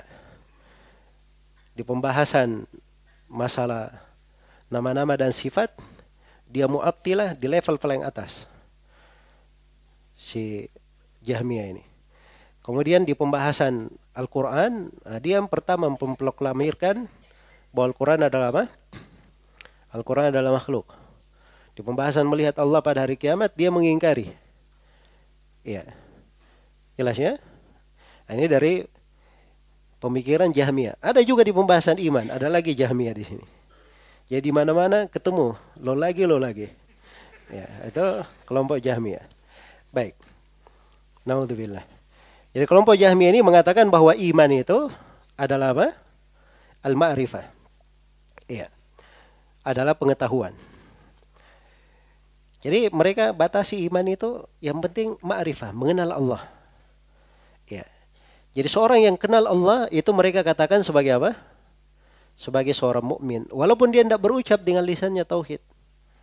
Walaupun hatinya tidak membenarkan. Iya. Jelas ya? Walaupun dia tidak beramal. Itu kelompok Jahmiyah. Berikutnya kelompok Al-Karramiyah. Al-Karramiyah mengatakan bahwa iman itu cukup ikrar dan tasdik dengan lisan tanpa hati. Itu Karramiyah. Karramiyah ini pengikut Muhammad bin Karram. Iya. Jadi mereka mengatakan bahwa iman itu cukup apa? Cukup pengakuan dan ucapan, pembenaran lisan saya. Jadi kalau di hatinya tidak ada keimanan, itu nggak ada masalah bagi mereka. Berarti di atas kelompok Al-Karramiyah ini, kaum munafikin juga apa? Mukmin bagi mereka. Iya. Karena orang-orang munafik itu berucap dengan lisannya, mereka menampilkan Islam dengan dohirnya, dengan lisannya, menyembunyikan kekafiran di mana? di hatinya. Berarti munafik juga apa? Mukmin bagi mereka. Ya, dan ini sudah jelas penyimpangannya ya, karena Allah berfirman, "Innal munafiqina fi darkil asfali minan nar." Kaum munafikin itu di lapisan neraka yang paling bawah. Allah sebut dari penghuni neraka di lapisan yang paling bawah, itu di kerak-keraknya neraka paling bawah. Iya. Kaum munafikin ini. Sedangkan mereka ini mengatakan mereka adalah apa? Mukmin. Naudzubillah. Kalau Jahmiyah tadi keharusannya mereka mengatakan bahwa Fir'aun adalah apa? Adalah mukmin. Dan itu saya sudah terangkan ya madhabnya orang-orang yang menganut pemahaman Jahmiyah di pembahasan iman itu memang mengarah ke sana. Adapun kelompok Asy'ariyah ya. Orang-orang Asy'ariyah dari Abu Hasan Al-Asy'ari itu ada tiga pendapat. Ya. Ada pendapat dia yang mencocoki ucapan Jahmiyah. Iya. Ada pendapat dia mencocoki ucapan Jahmiyah. Baik. Kemudian yang kedua ada pendapat Abdul Hasan Al-Asy'ari dia mengatakan bahwa iman itu adalah tasdiqu bil qalb pembenaran dengan hati. Pembenaran dengan hati. Jadi itu iman bagi dia. Adapun ucapan lisan, amalan hati, amalan anggota tubuh itu cuma cabang-cabangnya saja. Hanya cabang-cabangnya. Jadi kalau menurut dia, dia sudah benarkan dengan hatinya, maka syah keimanannya. Syah keimanannya. Walaupun dia tidak berucap dengan lisannya. Jelas ya? Baik. Jadi ini kelompok Jahmiyah kalau didetailkan dia mirip dengan kelompok uh, ini kelompok Asy'ariyah ucapan kelompok Asy'ariyah kalau didetailkan sebenarnya mereka mirip dengan siapa? Dengan kelompok Jahmiyah. Baik. Iya. Kemudian di antara yang ketiga dari ucapan orang-orang Asy'ariyah dari ucapan orang-orang Asy'ariyah uh, yang dinukil dari Abdul Hasan Al-Asy'ari sekarang saya masih pembahasan yang dinukil dari siapa? Abdul Hasan al Ashari. Yang dinukil dari Abdul Hasan al Ashari, ya, yang ketiga dia berucap seperti yang diucapkan oleh para as-salaf. Iya. Nah memang Abdul Hasan al Ashari ada fase ya, ucapannya berubah-ubah. Ya. Jadi kalau ada ucapannya yang mencocoki ucapan as-salaf ini mungkin di fase terakhirnya. Ketika dia sudah kembali kepada jalannya Imam Ahmad rahimahullahu taala. Baik. Iya. Namun yang berada di belakangan yang sudah mustakir ya di kalangan orang-orang belakangan kelompok Jahmi uh, kelompok Asy'ariyah yang dipegang di kalangan orang-orang belakangan bahwa keimanan itu adalah tasdik bil qalb. Pembenaran dengan hati. Pembenaran dengan dengan hati. Baik. Jadi ini orang-orang Asy'ariyah. Adapun orang-orang Maturidiyah baik. Orang-orang Maturidiyah, Maturidiyah itu mereka bersepakat dengan ucapannya itu mirip dengan orang-orang belakangan Asy'ariyah. Iya. Maturidiyah itu pengikut Abu Mansur Al-Maturidi. Baik. Jadi ini sudah berapa ini? Tiga kelompok. Jahmiyah, Karramiyah, Asy'ariyah, eh, kemudian yang keempat Maturidiyah sudah empat. Ya, sisi yang kelima namanya Murji'atul Fuqaha. Murji'ah ahli fikih.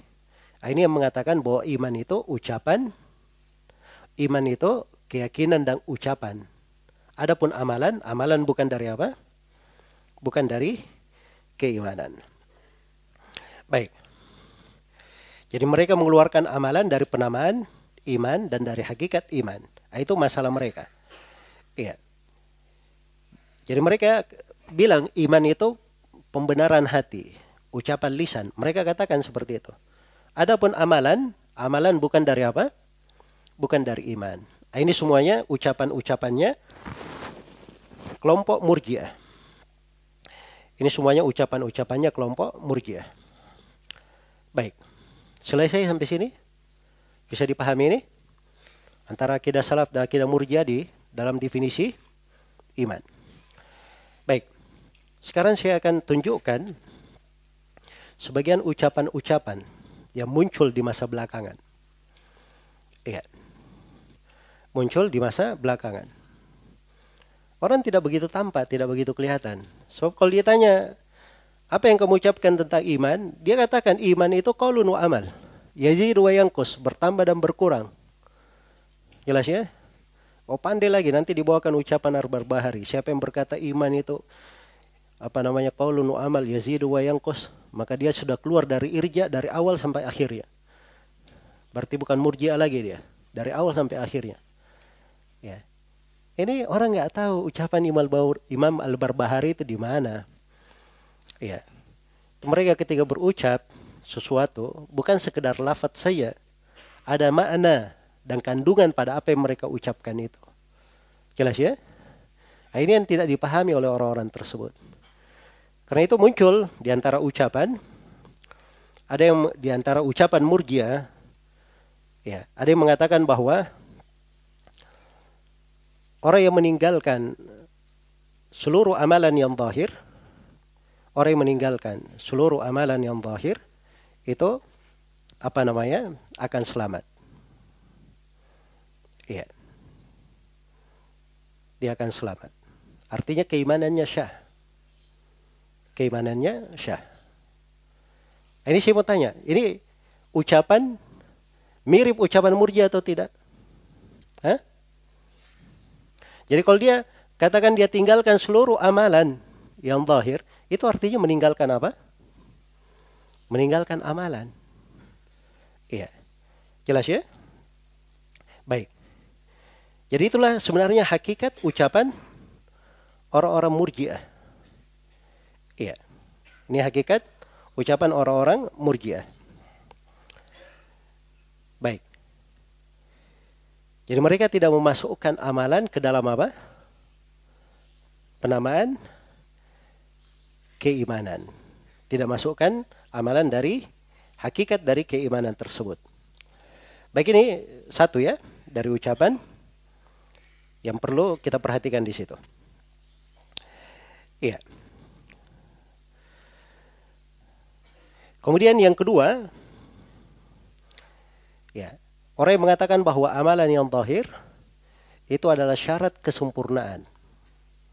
Ya. Jadi amalan itu mereka katakan iman itu adalah amalan tapi dia adalah syarat kamal, syarat kesempurnaan dari keimanan. Jelas ya?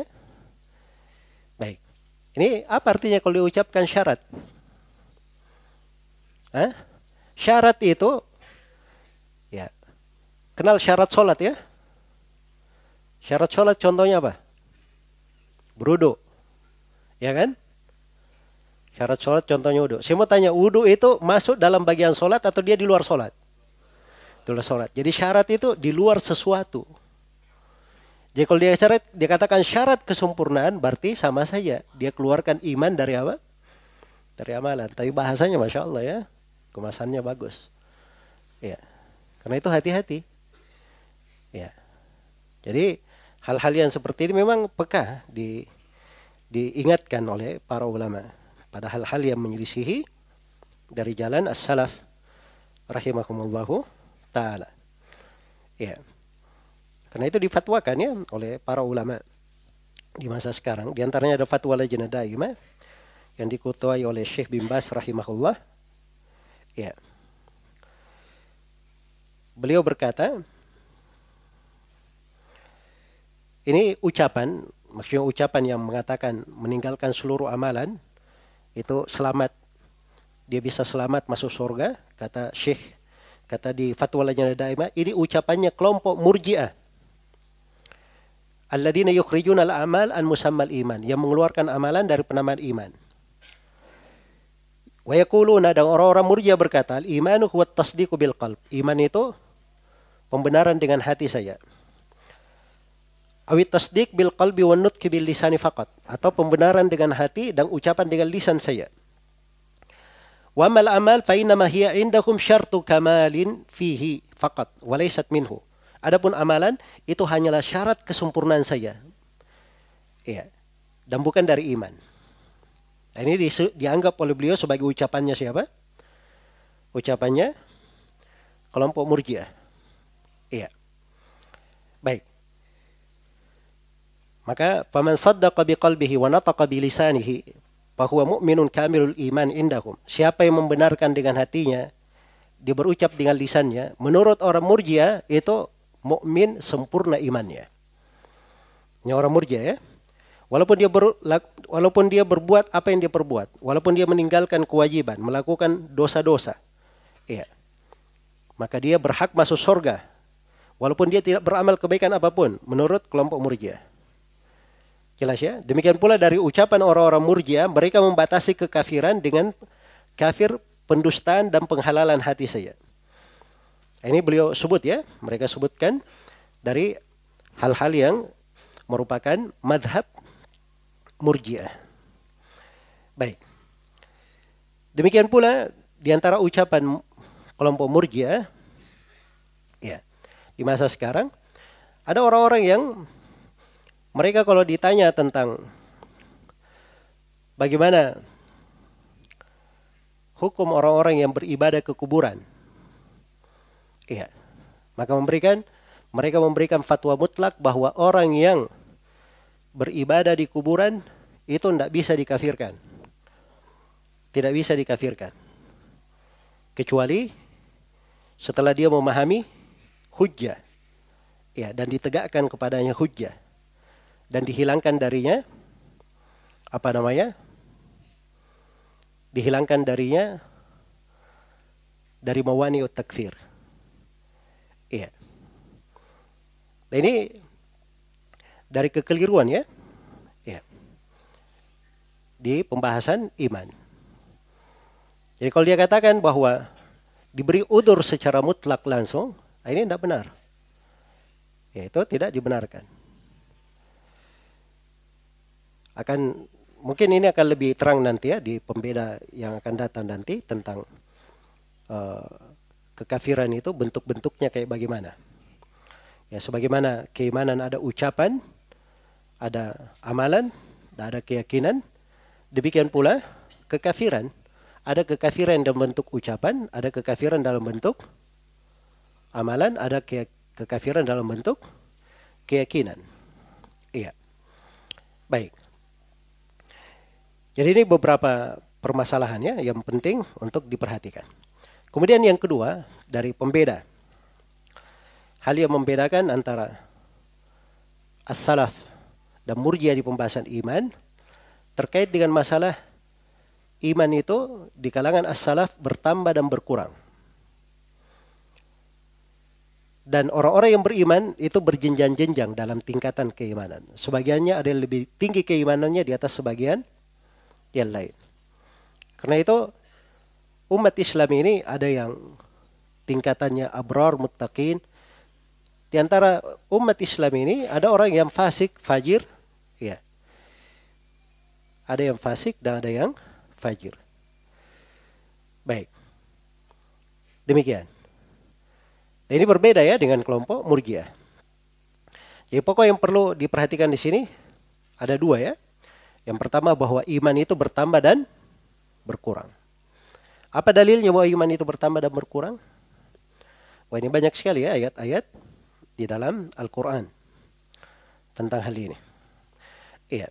Saya sudah bacakan tadi ayat di surah Al-Anfal. Iya. Juga ayat di surah Ali Imran tentang para sahabat yang dikatakan orang sudah bersatu padu ingin membahayakan mereka maka pazadahum imana. Ya, maka mereka bertambah apa? Keimanan. Ya.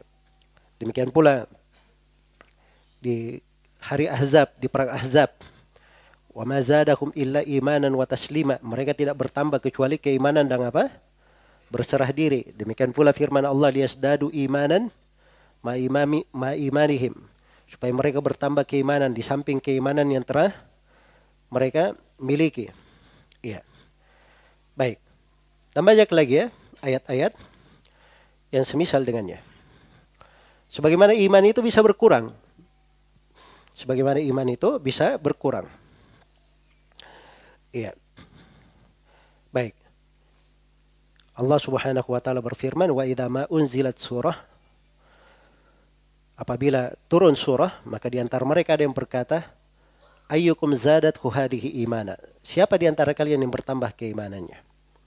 Maka disebutkan orang yang beriman bagaimana bertambah keimanannya. Adapun orang yang di hatinya ada penyakit, fazadakum rijisan ila rijisihim. Maka bertambah najis di atas kenajisan mereka. Iya. Dan di antara dalil juga adalah hadits riwayat Bukhari Muslim dari Anas bin Malik. Nabi SAW bersabda, Yakhruju minan nar Man qala la ilaha illallah wa fi qalbihi waznu syairatin min khair. Akan keluar dari neraka orang yang berucap la ilaha illallah dan di hatinya ada sebesar uh, gandum ajlai dari kebaikan. Terus yakhruju minan nar man qala la ilaha illallah wa fi qalbihi waznu burratin min khair. Akan keluar dari neraka orang yang berucap la ilaha illallah dan di hatinya ada sebesar gandum dari kebaikan. Gandum lebih kecil lagi dari jelai. Wa yakhruju minan nari man qala la ilaha illallah wa fi qalbihi waznu darrati min khair. Dan akan keluar dari neraka orang yang berucap la ilaha illallah dan di hatinya ada sebesar darah dari kebaikan. Darah itu telur semut. Itu bijian yang paling kecil yang dikenal oleh orang Arab. Jelasnya? Jadi ini imannya bertingkat-tingkat ya. Ada yang paling, ada yang kurang, sangat kurang, ada yang kurang sekali. Demikian. Makanya iman itu bertambah dan apa?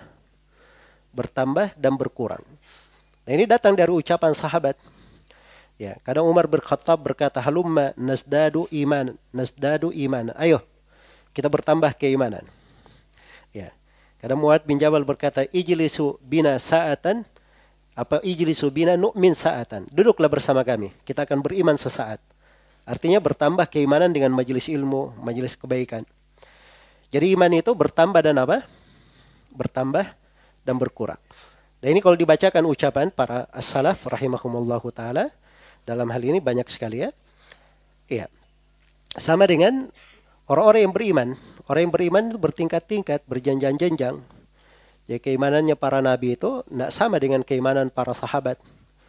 Di antara seluruh sahabat Nabi, sahabat Nabi Muhammad yang paling tinggi keimanannya di antara sahabat Rasulullah tidak ada yang lebih tinggi dari keimanan siapa? Abu Bakar As-Siddiq. Dan umat ini tidak ada yang lebih baik keimanannya daripada sahabat Rasulullah Sallallahu Alaihi Wasallam. Kan begitu. Jadi bertingkat-tingkat, ya, berjenjang-jenjang keimanan tersebut. Dia bisa bertambah dan bisa berkurang. Baik. Pokok masalahnya di kelompok murjia di mana? Nah, di sini ada pelajaran besar ya yang penting saya ingatkan di sini.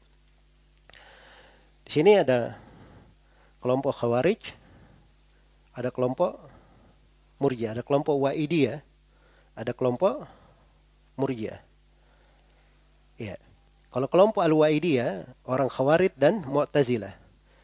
Keduanya berkata bahwa pelaku dosa besar kekal di neraka. Kalau kelompok murjiah tidak, pelaku dosa besar di sorga tempatnya. Tidak masuk neraka.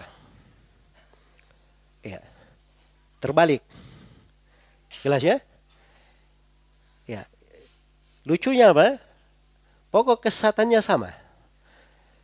Keduanya menganggap bahwa iman itu satu kesatuan tidak terbagi-bagi. Itu pokok kesesatan mereka. Mereka menganggap keimanan satu kesatuan apa? Tidak terbagi-bagi. Jadi kalau menurut orang Khawarij, iman itu satu kesatuan, tidak terbagi-bagi. Kalau hilang sebagiannya, hilang semuanya. Ya kalau dia berbuat dosa besar, berarti sebagian imannya apa? Hilang. Kalau sudah ada sebagian yang hilang, hilang semuanya, berarti dia kafir. Berarti dia kekal di neraka. Jelas ya? Nah, ini Khawarij dan Mu'tazilah untuk hukum kekal neraka. Hukum dunia saja yang mereka berbeda di hukum dunia. Kalau di hukum dunia orang Khawarij bilang itu hukumnya kafir. Kalau orang Mu'tazilah dia katakan bukan kafir, bukan mukmin. Fi manzilah bena manzilatain. Di sebuah kedudukan antara dua kedudukan katanya.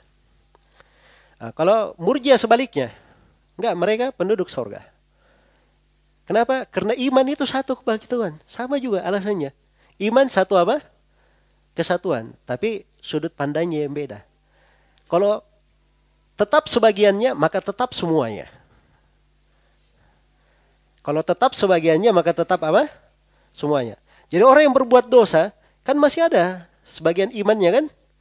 Masih ada sebagian imannya. Kalau begitu ada imannya. Sebagian. Kalau tetap sebagian, tetap semuanya. Berarti dia tetap sempurna apa? Sempurna imannya. Itu pokok kesesatan mereka berdua. Jelas ya? Ada pun ahli sunnah dalam hal ini sederhana. Iman itu bertambah dan apa? Berkurang. Ya. Seorang pelaku dosa besar, dia fasik dengan dosanya, dia mukmin dengan apa? Dengan keimanannya. Atau dikatakan pelaku dosa besar itu mukmin kurang imannya. Mukmin kurang apa? Kurang imannya. Dan itu yang ditunjukkan oleh nas-nas dalil-dalil di dalam masalah ini. Baik. Jadi pahami ini. Ini pokok yang kedua. Dari perbedaan antara akidah salaf dan akidah murjia di pembahasan apa? Pembahasan iman. Baik, jadi kita sudah mengkaji perbedaan yang keberapa? Perbedaan yang kedua antara akidah salaf dan akidah murjia di pembahasan iman. Terkait dengan masalah iman itu bertambah dan berkurang. Iya. Jadi kalau masuk ke dalam rincian orang-orang murjiah mereka mengatakan bahwa iman itu hanya satu kesatuan saja. Apa yang ada di dalam hati maka itu tidak bertambah dan tidak berkurang. Tidak bertambah dan tidak berkurang. Iya, dan ini ucapan orang-orang murjiah semuanya seperti itu secara umum. Apakah kelompok Jahmiyah atau Karomiyah atau Asy'ariyah Maturidiyah ya Murji'atul Fuqaha secara umum ucapan mereka seperti itu walaupun ada dari sebagian orang-orang belakangan Asy'ariyah misalnya kalau dilihat di sebagian syarah Al-Bejuri dia sebutkan bahwa iman itu bertambah dan berkurang. Jangan disangka bertambah dan berkurang seperti yang dimaksudkan oleh ahli sunnah. Yang dia maksudkan bertambah dan berkurang terkait dengan tasdik di dalam hati. Sebab mereka hanya mendefinisikan iman di mana? At-tasdik fil qalb. Ya, pembenaran dalam hati.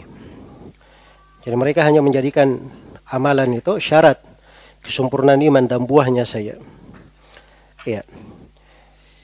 Jadi itu kadang ada yang berucap bertambah dan berkurang. Kalau ditanya bertambah dan berkurang di mana? Itu dia hanya bahasakan bertambah dan berkurang terkait dengan apa? Terkait dengan hatinya. Itu orang-orang, sebagian orang-orang belakangan al-asyairah, orang-orang asyariyah. Dan pokoknya orang-orang murjiah seperti itu. Dia memandang bahwa iman itu satu kesatuan. Jadi tidak bertambah dan tidak pula apa? tidak pula berkurang. Iya. Baik. Nah, di sini yang perlu saya ingatkan dan saya beri garis bawah sebagian orang yang kadang menukil ucapan Imam Al-Barbahari rahimahullahu taala. Iya. Bahwa Imam Barbahari berkata, "Man qala al-imanu qaulun wa amal yazidu wa yanqus." faqad kharaja minal irja'i kullihi awalihi wa akhirihi. Kata Al-Barbahari siapa yang berucap iman itu ucapan dan amalan bertambah dan berkurang maka dia telah keluar dari irja semuanya dari awal hingga akhirnya. Iya. Dari awal hingga akhirnya. Sama dengan ucapan Imam Ahmad ketika ditanya tentang orang yang berkata al-imanu yazidu wa yanqus. Ada orang yang berucap iman bertambah dan berkurang. Kata Imam Ahmad, hada bariun minal irja. Ini orang sudah lepas dari apa? Dari irja. Iya. Baik. Jadi kalau ucapan dua imam ini itu ucapan benar ya. Betul.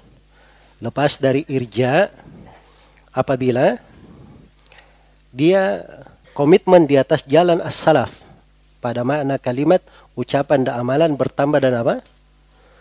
Bertambah dan berkurang. Iya. Jadi kalau dia berkata misalnya iya bahwa iman itu tidak akan hilang dengan perginya dengan hilangnya satu rukun dari rukun-rukun iman atau dengan bahasa lain iman itu tidak akan berpengaruh dengan dia meninggalkan seluruh amalan maka ini namanya perkataan murjiah ya tidak ada gunanya dia berucap iman bertambah dan apa berkurang sebab hakikatnya dia berucap dengan ucapan murjiah. Atau dia katakan iman ucapan dan amalan bertambah dan berkurang, tapi amalan di situ adalah syarat kesempurnaan iman. Nah, itu tetap saja ucapan apa? Ucapan murjiah. Jelas ya? Baik. Dan ini termasuk pegangan sebagian orang-orang yang lemah di dalam pembahasan akidah, dia hanya tertipu dengan sebagian orang. Dia tulis dalam sebagian bukunya bahwa iman itu qaulun wa amal yazidu wa yanqus. Tetapi dia tidak lihat ucapan-ucapan orang ini yang lainnya mencocoki ucapan apa? Murji'ah. Iya. Karena itu sekali lagi seorang hendaknya betul-betul memahami sudut-sudut perbedaan antara akidah as-salaf dan akidah murjiah di pembahasan iman. Baik. Uh, kemudian perbedaan yang ketiga antara akidah as-salaf dan akidah murjiah itu di pembahasan istithna. Di pembahasan mengucapkan insya Allah. Ya kalau seorang berkata ana mukminun insya Allah. Saya adalah seorang mukmin insya Allah. Boleh atau tidak?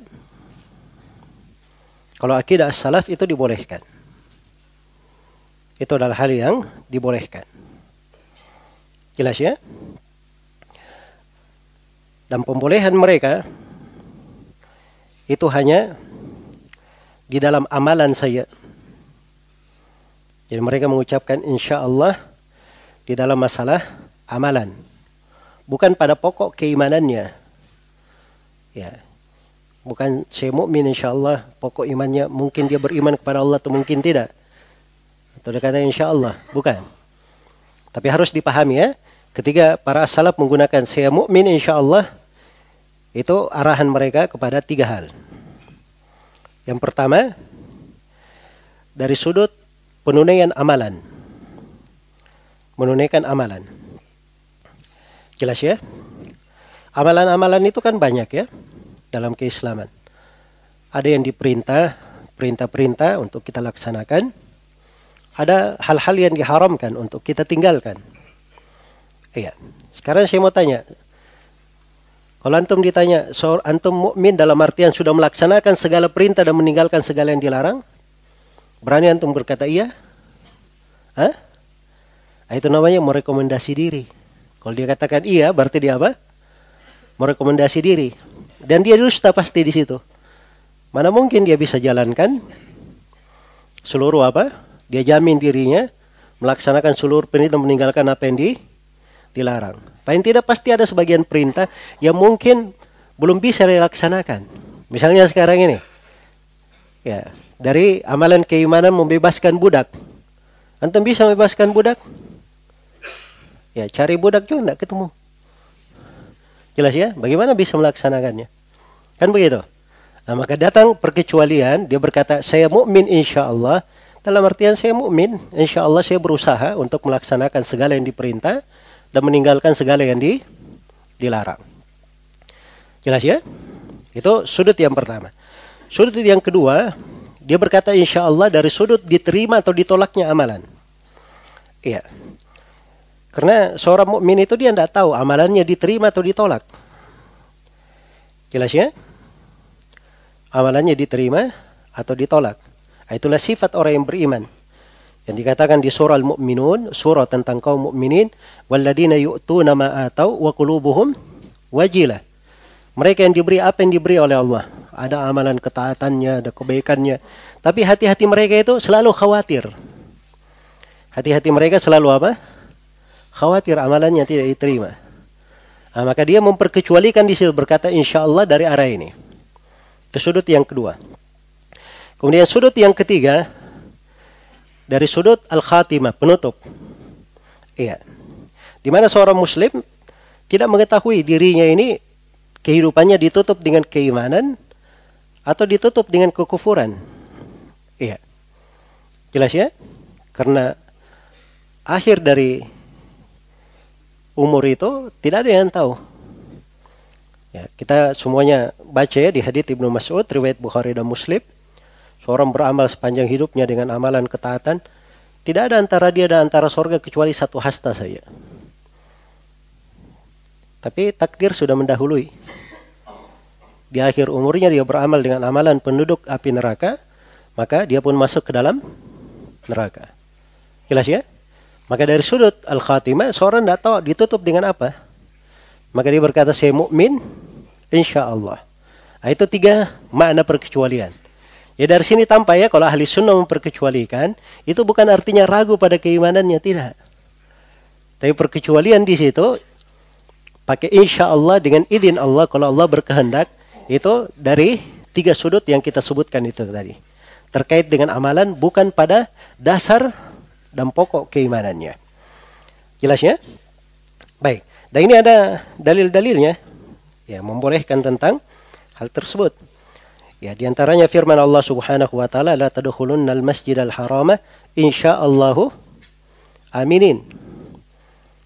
Ya, Allah janjikan bahwa Nabi dan para sahabat pasti akan masuk masuk ke Masjidil Haram. Ini setelah perjanjian Hudaybiyah. Tapi dibahasakan di situ dalam ayat pakai pakai apa? Insya Allah. Nah, itu menunjukkan boleh menggunakan insya Allah pada hal yang pasti. Pada hal yang yang pasti. Jelas ya? Baik. Dan Nabi Shallallahu Alaihi Wasallam, ya, ketika beliau ditanyai oleh Aisyah saat beliau melakukan sholat malam, ya, dan beliau apa namanya, uh, melakukan ibadah-ibadah, melakukan puasa. Maka Aisyah berkata, Ya Rasulullah, Allah telah ampuni dosamu yang telah lalu dan akan datang. Kata Nabi, Wallahi inni la arjuh an akuna akhsyakum lillahi wa a'lamakum bima attaqi. Ya. Kata beliau, demi Allah, sungguhnya saya sangat berharap. Saya ini menjadi orang yang paling bertakwa, paling takut di antara kalian kepada Allah dan yang paling berilmu di antara kalian tentang takwa. Di sini beliau pakai kata inilah arju Sesungguhnya saya sangat berharap padahal beliau sudah apa? Sudah tahu tentang hal tersebut. Iya. Dan tidak beliau sudah kabarkan bahwa beliau adalah manusia yang paling apa? Paling afdal di antara para nabi dan para rasul adalah pemimpinnya. Tapi beliau masih pakai kata la arju. Ya sangat berharap. Ya sama dengan kita.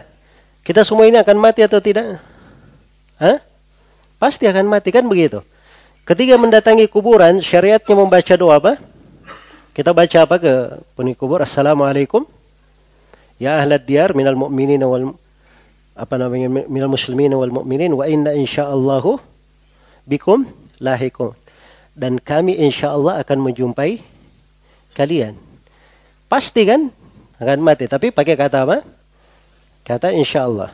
Jadi insyaallah di situ tidak menunjukkan seorang itu ragu. Jelasnya? seorang itu ragu. Nah, ini ahli sunnah di dalam hal ini. Dengan dalil-dalil mereka dan makna apa yang mereka maksud dengan perkecualian dari sisi amalan, sisi akhirnya ya dari amalan tersebut. Baik, adapun kelompok murjiah mereka tidak memperkecualikan. Karena bagi orang-orang Jahmiyah sudah berlalu ya, iman bagi mereka satu saja, cuman ma'rifah saja pengenalan. Mengenali itu bagi mereka tidak ada keraguan. Jelas ya, karena itu tidak boleh, tidak ada menggunakan insya Allah. Sama dengan orang-orang Asyariah, bagi mereka tasdik, pembenaran. Ya. Jadi tidak ada istithna. Ada istithna mereka di istilah yang lain. itu pun itu juga di antara bid'ah kelompok Asyariah di pembahasan ini. Yang apa yang mereka sebut dengan al-muwafah. ini pembahasan lainnya agak detail, ini terka terkait dengan bidah khususnya orang-orang Asy'ariyah di pembahasan di pembahasan ini. Baik. Jadi ini sudut yang membedakan. Demikian pula orang-orang Maturidiyah tidak syah memakai insya Allah. Iya. Itu orang-orang Maturidiyah. Mayoritas Maturidiyah seperti itu. Walaupun ada orang belakangan yang kadang membolehkan dari apa namanya satu sudut tapi mereka katakan ditinggalkan itu lebih bagus. Iya. Sama dengan murjiatul fuqaha di atas dasarnya mereka bahwa apa namanya? iman itu tidak bertambah dan tidak berkurang. Baik. Jadi ini perbedaan yang ketiga. Kemudian perbedaan yang keempat. Dan perbedaan yang keempat ini termasuk hal yang paling di antara hal yang sangat penting dan detail di pembahasan ini. Iya. Karena di situ karena di yang keempat ini Nah, di sini yang banyak keliru di pembahasan pembahasan keimanan ini. Baik. Perbedaan yang keempat di masalah keterikatan antara zahir dan batin. Akidah salaf di pembahasan iman itu ada at-talazum antara zahir dan batin. Saling mengharuskan, saling memestikan, saling melazimkan antara zahir dan apa? Antara zahir dan batinnya. Iya. Jelas ya? Ya kalau dia batinnya keimanan, beriman kepada Allah, maka zahirnya akan kelihatan dari amalan-amalan ketaatan, dari ucapan-ucapan kebaikan, melaksanakan faraid yang fardu, mengerjakan dan meninggalkan hal yang diharamkan, Nah, itu akan kelihatan keterikatan antara batin dan apa? Lahir. Iya. Sebagaimana orang yang beramal ketaatan sholat lima waktu, itu harus ada amalan batin yang menyertai hal tersebut.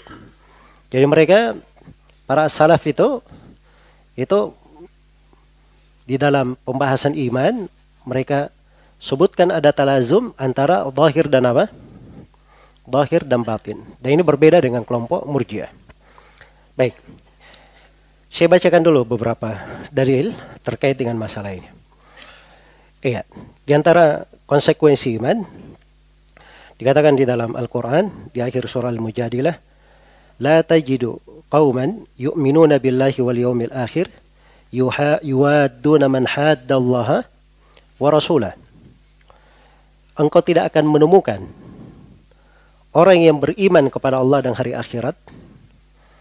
Mereka itu memberikan kasih sayangnya, loyalitasnya kepada siapa yang memusuhi Allah dan Rasulnya. Iya. Jadi kalau ada orang-orang kafir memusuhi Allah dan Rasul, terus dia mencintainya, memberi loyalitas, itu tidak menunjukkan ada keimanan. Jelas ya? Ya kalau dia kaum beriman kepada Allah dan hari akhirat, maka engkau tidak akan ketemukan dia memberi loyalitas kepada orang-orang yang memusuhi Allah dan Rasulnya. Jelas ya? Ini ayat tegas menunjukkan bahwa keimanan kepada Allah tidak akan berkumpul dengan mencintai musuh-musuh Allah. Dengan mencintai musuh-musuh Allah, ya, dengan berbangga terhadap mereka, dengan menolong mereka sehingga mereka lebih tinggi daripada umat Islam dari kaum mukminin. Baik. Contoh yang lain, ayat di surah Al-Maidah ayat 81. Ya, bukan ayat 51 ya ayat 81 Walau kanu yu'minuna billahi wan nabi wa ma unzila ilaihi mattakhaduhum awliya walakinna kathiran minhum fasikun andai kata mereka itu beriman kepada Allah kepada nabi dan apa yang diturunkan kepada nabi kalau memang beriman ada konsekuensinya tidak mungkin mereka menjadikan musuh-musuh Allah sebagai wali-wali orang-orang yang dia sayangi, dia cintai, dia berikan loyalitas. Ini loyalitas di sini dalam makna dia mencintai kekafiran di atas apa? Keislaman. Dia mencintai orang-orang kafir lebih tinggi di antara di atas kaum muslimin. Kecintaan dari sudut apa namanya dia menolongnya. Iya. Baik. Jadi bukti kalau ada kecintaan, kalau dia beriman kepada Allah, kepada Nabi dan apa yang diturunkan kepada Nabi, tidak akan ada hal yang seperti itu. Jelas ya? Baik. Ayat yang lain, saya ulangi lagi ayat di surah Al-Anfal, dan ini mungkin jelas ya. Innamal mu'minuna alladina idha dukirallahu wajilat qulubuhum. Nah, jadi kaum mukmin itu kelihatan kalau ada pengaruh keimanan, Apabila disebut nama Allah bergetar hati-hatinya. Wa idza tuliyat alaihim ayat wa idza tuliyat alaihi ayatu wa idza tuliyat alaihim ayatuhu zadathum imana. Kalau dibacakan kepada mereka ayat-ayat Allah, mereka bertambah keimanan. Yatawakkalun alladzina yuqimuna as-salata wa yu'tuna az-zakata alladzina yuqimuna as-salata wa mimma razaqnahum yunfikun. Salat berinfak, mengeluarkan zakat. Ulaika humul mu'minuna haqqa. Mereka inilah orang-orang yang beriman dengan sebenar-benar keimanan. Jadi jelas ya? Karena ada keimanan, maka itu kelihatan amalan-amalannya. Jadi ada keterikatan antara zahir dan apa? Antara zahir dan batinnya. Iya. Karena itu di dalam hadis riwayat Bukhari dan Muslim dari Nu'man bin Bashir radhiyallahu taala anhuma Rasulullah sallallahu alaihi wasallam bersabda ala inna fil jasadi mudghah idza salahat salaha al jasadu kullu wa idza fasadat fasada al jasadu kullu ala wa hiya al qalb Ketahuilah bahwa di dalam jasad itu ada segumpal daging. Ya, kalau segumpal daging ini baik, segumpal daging ini salih, baik pula seluruh seluruh jasad. Apabila segumpal daging ini rusak, maka rusak pula seluruh jasad. Ketahuilah bahwa segumpal daging ini adalah apa? Adalah hati. Iya. Adalah hati. Jadi hati itu punya pengaruh di badan, punya pengaruh di jasad. Berarti ada keterkaitan antara zahir dan apa? Antara zahir dan batin. Dan ini adalah hal yang tidak ada silam pendapat di kalangan ahli sunnah. Ijma. Iya. Ijma di kalangan ahli sunnah. Baik. Dan banyak sekali ya ucapan-ucapan para as-salaf rahimahumullah ta'ala di dalam pembahasan ini. Di antaranya apa yang disebut oleh Syekhul Islam Ibnu Taimiyah rahimahullah kata beliau faslul iman fil qalbi. Asal iman itu di dalam hati wa huwa qalul qalbi wa amaluh. Asal iman dalam hati itu adalah ucapan hati dan amalannya. Jadi perhatikan ya beliau pakai kata aslu, asal iman dalam hati. Begitu masuk ke dalam rincian apa itu asal iman dalam hati? Ucapan hati dan apa? Amalannya. Nah, ini kadang ada sebagian orang salah paham terhadap ucapan sebagian as-salaf. Ya. Bahwa iman itu ada aslun, ada fara. Ada asal dan ada apa? Cabang. Dipikirnya bahwa amalan itu bisa menjadi cabang. Ya. Dan ini keliru ya. Maksudnya ada asal ada cabang. Di dalam hati itu ada asal ada cabang. Di lisan itu ada asal ada cabang. Di apa namanya keyakinan juga ada asal ada apa? Ada cabang begitu. Iya. Karena itu derajat keimanan bertingkat-tingkat. Ya. Ada yang merupakan faraid, kewajiban-kewajiban, ada yang sunnah-sunnah, ada yang mustahabat. Nah, itu semua bagian dari keimanan. Mereka tidak membahas iman itu iya, asal atau fara. Amalan itu pada apa namanya hakikatnya atau penamaannya dia asal atau fara mereka nggak bahas itu inilah kelirunya sebagian manusia mencampur adukkan antara ucapan as-salaf dan ucapan kelompok murji'ah. Jelas ya? Keliru di dalam memahami. Baik, jadi beliau Syekhul Islam sebut di sini bahwa asal iman dalam hati. Apa itu dalam hati? Ucapan hati dan amalannya. Wa huwa iqrarun bitasdiqi wal hubbi wal inqiyad, yaitu pengakuan dengan membenarkan kecintaan dan terikat. Ya. Terus kata beliau, "Wa ma kana fil qalbi fala budda yadhhar mujibuhu wa muqtadahu 'ala al-jawarih." Dan apa yang ada di dalam hati ya, itu kelazimannya dan konsekuensinya harus kelihatan di anggota badan. Harus kelihatan di anggota badan. Lam ya'mal bimujibihi wa muqtadahu dalla ala adamihi aw dha'fihi. Kalau dia tidak beramal dengan kewajiban dan konsekuensinya, Ah, itu menunjukkan keimanannya itu tidak ada atau keimanannya lemah. Iya, keimanannya lemah.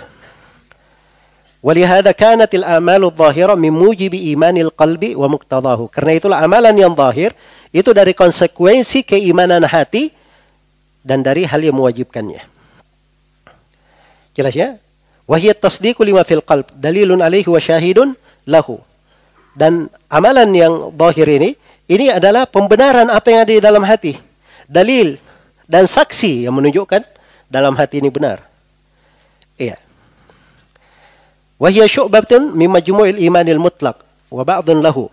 Dan ini cabang dari seluruh keimanan yang mutlak atau dan bagian darinya. Walakin ma fil qalbi huwal aslu lima alal jawarih. Tapi apa yang dalam hati itulah yang dasar. Sehingga muncul amalan di mana? Di jawarih. Karena itu kata Abu Hurairah, Innal qalb malik, sungguhnya hati itu raja. Wal a'dha'u junuduh. Dan anggota badan itu tentara-tentaranya. Fa'idha thawbal malik, thawbat junubuhu. Junuduhu. Apabila si raja ini tenang, ya gembira, maka anggota badannya juga apa? Gembira. Wa idha khabithal malik, khabuthat junuduhu.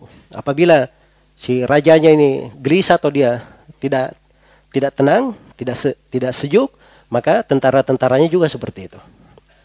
Baik. Jelas ya, ini sebagian ya dari ucapan para ulama rahimahumullah taala terkait dengan masalah ini. Baik. Jadi uh, ini konsekuensi dari para kesepakatan para ulama salaf di dalam masalah ini. Ya, bahwa keimanan itu itu punya asal, punya dasar, punya pokok. Asarnya itu apa yang ada di dalam hati. Apa yang ada di dalam hati berupa ucapan hati dan amalannya. Dan dia punya konsekuensi. Ya, konsekuensinya adalah amalan. Karena itu ada keterkaitan antara zahir dan apa? Keterkaitan antara zahir dan batin. Punya keterkaitan antara zahir dan batin. Iya. Uh, dan di sinilah uh, beda para akidah as-salaf taala dengan akidah murjiah. Akidah murjiah dari seluruh kelompoknya, dari semua kelompok murjiah. Ya, karena kelompok murjiah mereka itu menafikan keterikatan antara zahir dan apa? Antara zahir dan batin. Karena bagi mereka pokok asalnya apa mereka? Mereka anggap bahwa iman itu cuma satu kesatuan yang tidak berpisah-pisah. Ya. Dan bagi kelompok murjiah, ya, ahlul iman satu derajat semuanya. Satu derajat, tidak berjenjang-jenjang. Tidak berjenjang-jenjang. Karena itu tidak ada saling melazimkan antara zahir dan apa? Zahir dan batin. Baik. Jadi ini di antara pembahasan-pembahasan penting. Saya beri contoh-contoh. Ya, kenapa pembahasan ini penting untuk dipahami? Ya, jelas ya. Sekarang kalau ada yang berkata, orang itu syah keimanannya, dia dianggap sebagai seorang mukmin. Yang penting dia sudah masuk Islam, sudah bersyahadat, dan dia tidak pernah melakukan amalan apa pun di dalam keislaman. Tidak pernah sholat sama sekali. Di bulan Ramadan tidak pernah puasa. Hah? Apalagi mau haji. Ya. Apalagi dia pikir hitung zakatnya. Jelas ya? Tidak ada amalan apa pun yang dia lakukan dari amalan keislaman. Sebagian orang mengatakan bahwa ini masih dikatakan seorang apa? Seorang mukmin. Nah, ini kan ucapan murjiah. Dia keliru tadi dari sudut dia mengeluarkan sudah amalan di sini. Ini orang tidak beramal. Jelas ya? Tidak ada amalan sama sekali. Terus dari sudut lain, ini artinya tidak ada hubungan antara zahir dan batin. Masa dia bisa dikatakan beriman tidak ada amalan zahirnya yang menunjukkan benarnya apa yang ada di dalam batinnya. Jelas ya? Karena itu ketika datang dalam mendefinisikan Islam dan iman, itu para ulama selalu mengatakan bahwa Islam itu adalah rukun Islam yang lima ditambah amalan hati yang membenarkan apa? Zahirnya. Sedangkan rukun iman, iman itu rukun iman yang enam, tapi harus ditambah dengan amalan zahir yang membenarkan apa? Membenarkan hatinya. Karena memang terkait antara zahir dan apa? Antara zahir dan batin. Baik. Dari sini juga masuk ke dalam sebagian orang ya di masa ini dia katakan bahwa orang yang sujud kepada berhala dia sujud ke patung ya dia mencela Allah dan Rasulnya mencela Allah atau mencela Rasul itu tetap dia katakan sebagai seorang mukmin. Tidak dikafirkan. Karena harus diperiksa apa niat dia sujud di situ. Ketika dia mencela Rasul, mencela seorang Rasul, ditanya dulu niatnya apa di situ. Nah, ini ucapan orang-orang murjiah. Sebab dia tidak ada hubungan antara zahir dan apa? Dan batin. Ya, kemudian dia keliru di sudut yang kelima nanti ya, kita akan terangkan sudut perbedaan yang kelima. Keliru juga di situ. Sudah keliru di sini, keliru lagi di sana. Ini pokok-pokok yang mengumpulkan kesesatan. Jelas ya? Karena itu kalau orang memahami akidah yang benar, itu kalimat-kalimatnya terukur. Dia tidak sembarang berucap. Iya. Dia berjalan sesuai dengan apa? Sesuai dengan nas. Baik.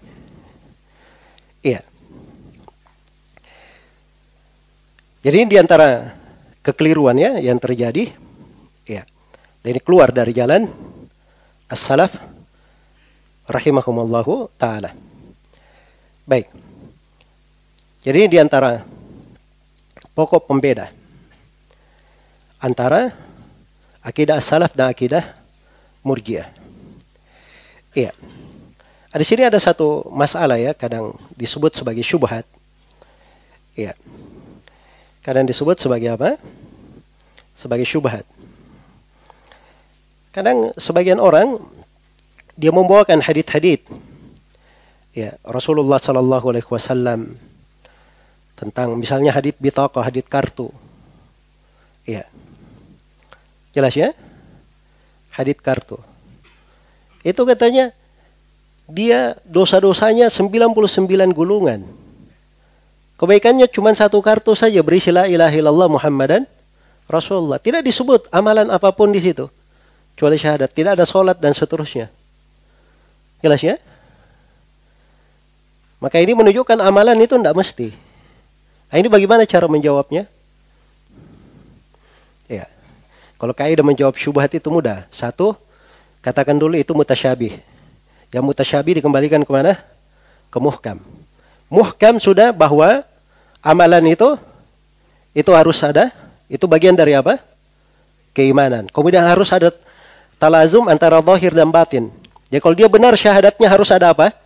Amalannya itu muhkam disepakati oleh ulama. Ini tidak jelas. Yang jelas, yang tidak dijelas dibawa arahannya ke sini. Nah, begitu cara berpikirnya dulu. Jelas ya? Kemudian yang kedua, nah ini orang-orang nggak paham cara cara memahami bahasa Arab itu keadaan seperti itu. Jadi kadang disebut cuma ada syahadat di situ, tapi tidak mungkin syahadat itu tertulis tanpa ada konsekuensi syahadat terpenuhi. Jelas ya? Jadi konsekuensi syahadat dari amalan yang memastikan adanya syahadat itu sudah ada, makanya dia bisa tertulis di situ. Andai kata tidak ada konsekuensinya, dia tidak akan tertulis. Jadi jangan memahami bahwa tidak ada sama sekali apa? Tidak ada sama sekali amalannya. Iya. Jelas ya?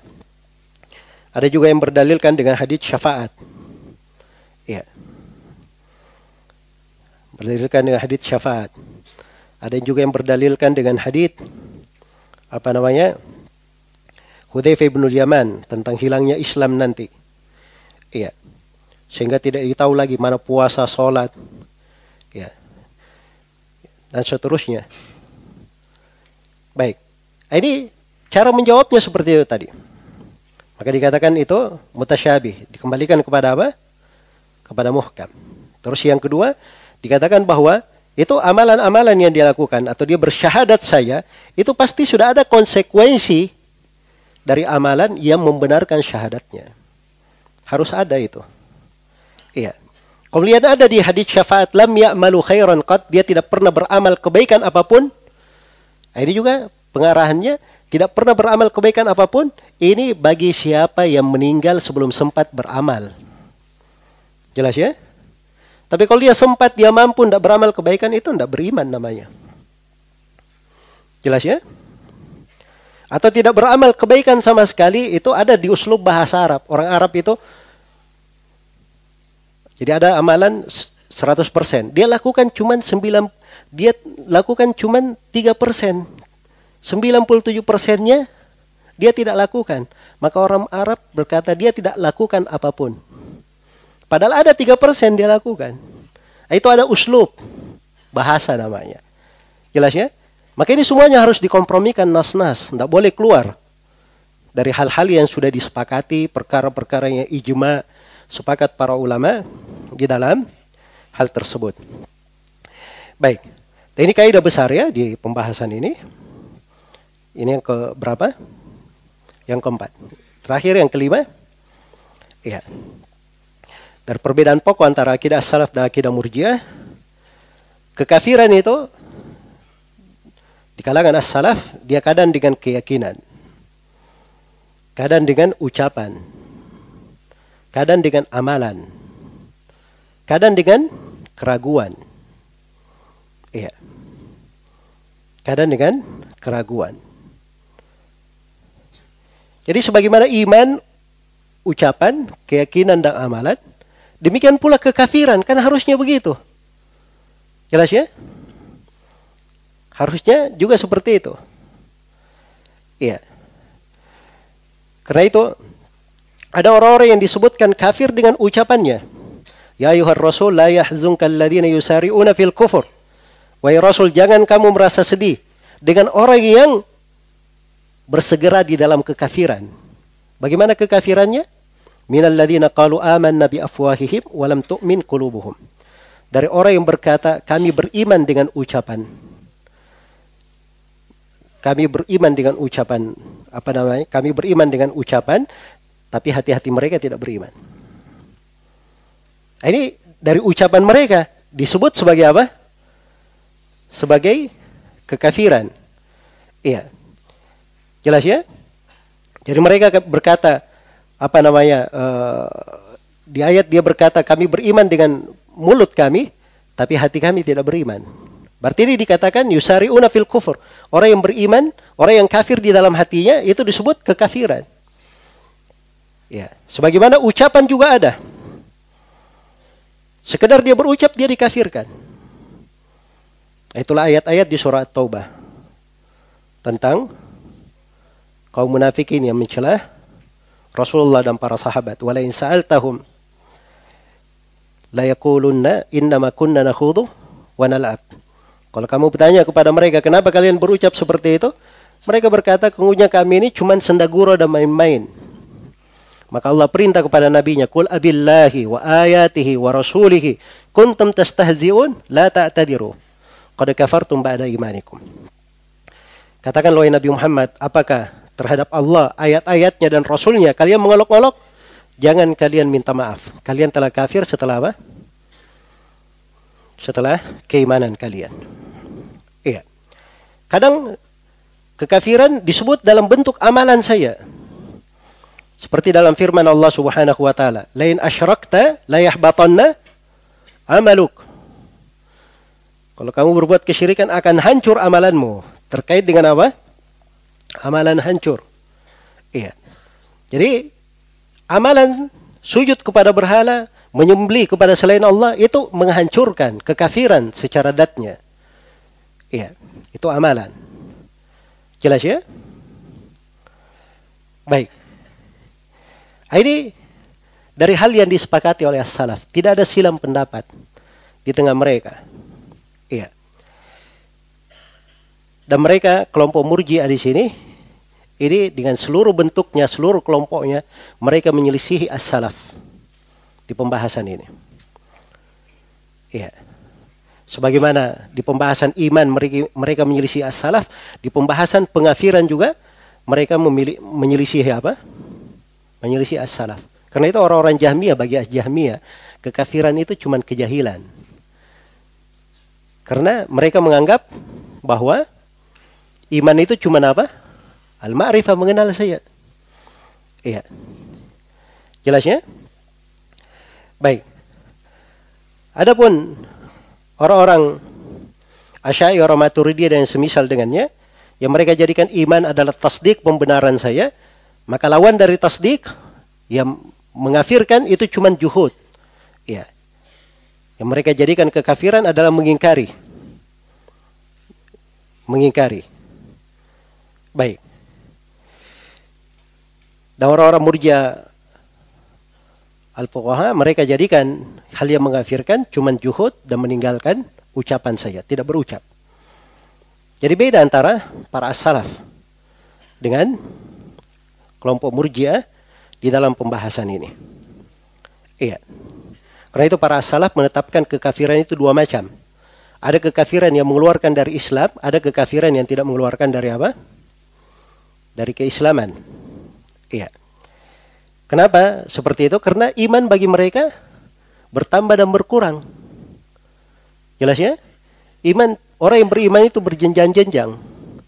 Ada yang keluar dari iman, ada yang keluar dari Islam. Kenapa? Karena dia bertentangan dengan iman, melakukan hal yang mengafirkan. Tidak mengeluarkan dari keislaman, kekafiran tidak mengeluarkan dari keislaman, kekafiran kecil, karena dia itu sifatnya dosa besar.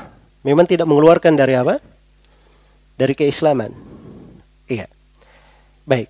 Sebagaimana kekafiran yang mengeluarkan dari keislaman di kalangan as-salaf, kekafiran yang mengeluarkan dari keislaman itu ada beraneka ragam bentuk kekafiran. Ada kekafiran dalam bentuk pengingkar, mengingkari dan mendustakan. Itu satu. Iya. Dalam bentuk mengingkari dan apa? mendustakan. Karena itu dikatakan dalam Al-Quran, وَمَنْ أَظْلَمُ مِمَّنْ اِفْتَرَى عَلَى اللَّهِ كَذِبًا أَوْ كَذَّبَ بِالْحَقِّ لَمَّا جَاءَ Siapa yang lebih zalim? Dari orang yang berdusta atas nama Allah kedustaan, atau dia mendustakan kebenaran. Alaysa fi jahannama mathwal lil kafirin? Bukankah di neraka jahanam ada tempat untuk orang kafir? Maka disebut orang yang mendustakan ini, orang yang mengingkari disebut sebagai apa? Orang-orang kafir yang tempatnya di neraka. Jenis yang kedua dari kekafiran ada kekafiran juhud namanya. Iya. Menentang. Al-juhud, dia menentang apa yang dibawa iya oleh para rasul. Karena itu sifat kekafirannya Firaun dikatakan wajahadu biha wastaiqanatha anfusuhum dulman wa uluwa. Mereka juhud terhadap apa yang dibawa oleh Nabi Musa. Padahal diri diri mereka yakin. Keyakinan ada Fir'aun itu. Dia tahu Nabi Musa benar. Dihujat dia lihat tanda-tanda kebesaran Allah, dia tahu Fir'aun. Tapi ya juhud, jenis kekafirannya. Demikian pula dikatakan kepada nabinya Nabi Muhammad sallallahu alaihi wasallam, "Fa innahum la yukadzibunak, walakin adh-dhalimina bi ayatillahi yajhadun." Sungguhnya mereka Nabi Muhammad tidak mendustakan engkau. Ya. Jadi mereka mau mendustakan Nabi Muhammad. Nabi Muhammad dikenal oleh mereka sebagai amin, orang kepercayaan. Jelas ya? Tapi apa yang mereka lakukan? Mereka itu juhud terhadap ayat-ayat Allah. Ini disebut jenis kekafirannya. Yang ketiga ada jenis kekafiran namanya kufrul iba wal istikbar. Iya. Ini kekafiran dari jenis kesombongan. Dia bersombong untuk menerima kebenaran ya untuk tunduk padanya. Jadi dia kadang aku itu benar, tapi dia bersombong, tidak mau dia tunduk. Nah, ini kekafirannya iblis ini ya di dalam banyak ayat. Yang keempat ada kekafiran dalam bentuk keraguan. Iya. Dalam bentuk keraguan. Ya, seperti di kisah dua orang itu di surah Al-Kahfi, kan salah seorang di antara keduanya kan ragu dia tentang hari kebangkitan kan? Dia ragu tentang hari kebangkitan. Maka berkata temannya, mengingatkan dia, Qala lahu sahibuhu wa huwa yuhawiru, akafarta billadhi khalaqaka min turab. Apakah kamu kafir terhadap Allah yang menciptakan kamu dari tanah? Thumma min nutfatin thumma sawwaka rajula. Kemudian kamu diciptakan dari air, lalu kamu dijadikan seorang lelaki. Disebut kafir Dengan keraguan tersebut. Jelas ya? Yang kelima dari jenis kekafiran ada namanya kufrul i'rad. Ya berpaling dalam bentuk apa? Eh, kekafiran dalam bentuk keberpalingan. Jadi hatinya berpaling. Iya, dia sudah tahu kebenaran, dia sudah ini, tapi dia berpaling, dia tinggalkan. Itulah yang dikatakan dalam Al-Quran, وَالَّذِينَ kafaru amma undiru mu'ridun. Orang-orang kafir terhadap apa yang diingatkan kepada mereka, mereka berpaling. Kemudian jadi yang keenam dari kekafiran namanya kufrun nifak, kekafiran nifak kemunafikan. Iya. Baik. Karena kemunafikan itu dikatakan innal munafikina fid darkil asfali minan nar. Sungguhnya kaum munafikin itu lapisan neraka yang paling bawah. Dalika bi annahum amanu thumma kafaru fatubi'a ala qulubihim fahum la yafqahun. Mereka ini hal tersebut karena mereka itu beriman kemudian mereka kafir lalu tertutup hati mereka, maka mereka tidak bisa memahami. Itu terhadap sifat kaum munafikin. Jelas ya? Maka itulah jenis-jenis kekafiran di kalangan ahli sunnah. Ya. Jadi tidak terbatas pada satu. Jadi kalau dia mengingkari, membatasi bahwa kekafiran hanya payah juhud dan istihlal saja, ya. Maka ini artinya dia kembalikan kekafiran cuma di apa? Cuma di hati saja. Nah, ini penyakit sebagian orang murjia yang saya akan terangkan nanti dari fatwa para ulama mentahdir sebagian murjia masa kini. Iya. Jelas ya? Dan itu berpengaruh sama sebagian orang. Berpengaruh terhadap sebagian orang. Mungkin ada yang ingat kemarin ribut-ribut ada sebagian orang yang mencela Nabi Musa. Hah? Ya dikatakan bahwa benar itu ulama sepakat mencela Nabi itu kekafiran menurut kesepakatan ulama. Tapi barangkali maksudnya bagus. Ini masuk pemahaman murjia dia tidak pahami. Karena dia tidak mengerti apa itu murjia. Jelas ya? Jadi segala hal itu harus dia kembalikan perkara-perkara itu terkait dengan niat lagi. Iya. Itu orang-orang murjia seperti itu memang cara berpikirnya. Kalau ahli sunnah, kekafiran itu kadang dengan ucapan, kadang dengan perbuatan, kadang dengan keyakinan, kadang dengan apa? Kadang dengan keraguan. Iya. Dan itu jelas bagi mereka. Jelas ya? Dan saya ketika berbicara itu, saya ditanya tentang suatu, saya terangkan hukum syari di dalam hal tersebut. Ya. Saya nggak terlalu penting siapa yang mengucapkan. Karena saya berikan hukum syari terhadap ucapan itu. Bahwa orang yang mengucapkan seperti itu, itu adalah apa? Kafir. Keluar dari Islam menurut kesepakatan ulama.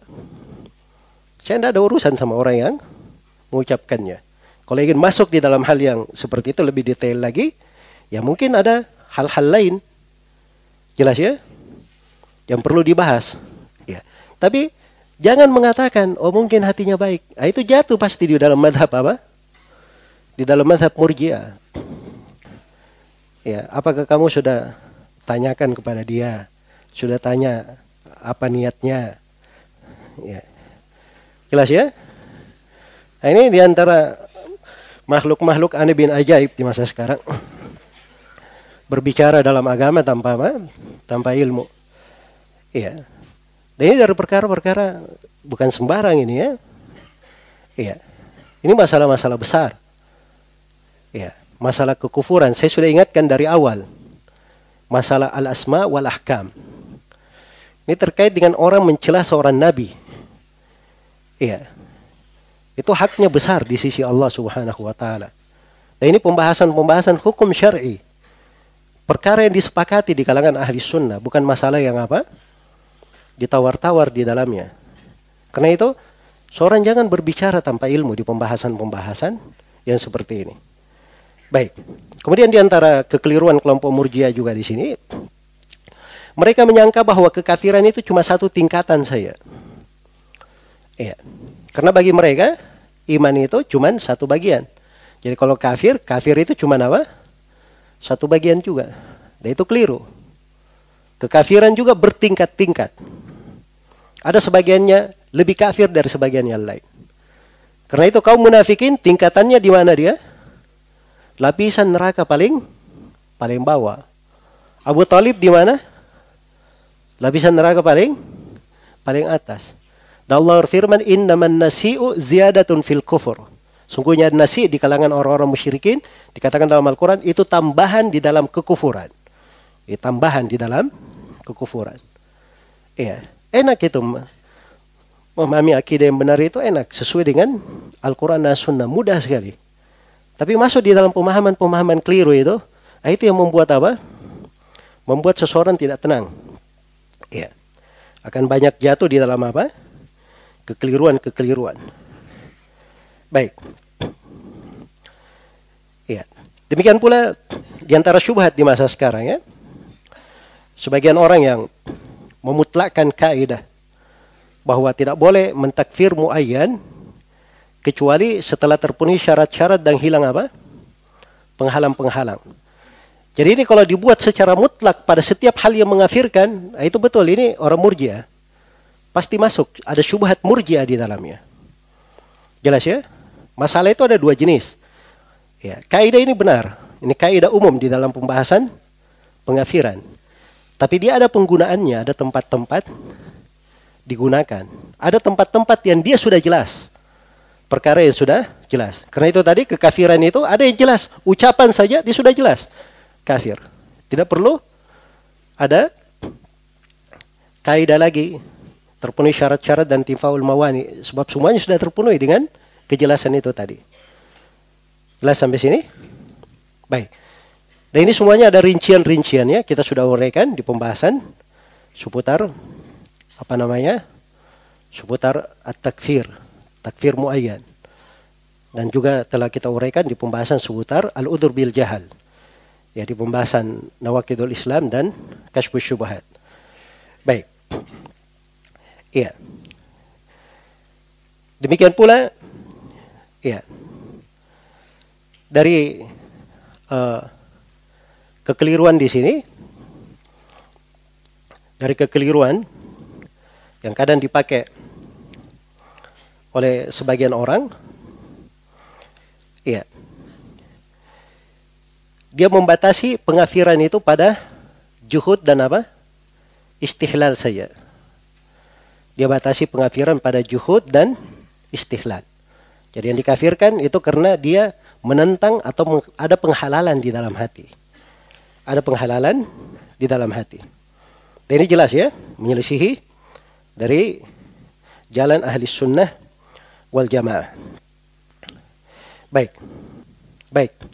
Kemudian di antara kekeliruan juga di masa sekarang orang yang mengatakan siapa yang melakukan pembatal keislaman dari pembatal keislaman yang zahir itu tidak dikafirkan kecuali setelah diyakinkan bahwa zahirnya itu mencocoki batinnya.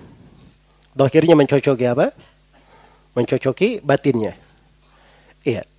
Dan ini keliru ya. Sudah keliru di kaidah yang keempat, keliru pula di kaidah yang kelima. Ya, sebab kalau dia harus dikatakan bahirnya harus mencocoki batinnya, berarti dia kembalikan lagi pengafiran ke dalam masalah apa? Masalah hati lagi. Ya, selalu dia batasi ke hati, harus terkait dengan hati. Jelas ya?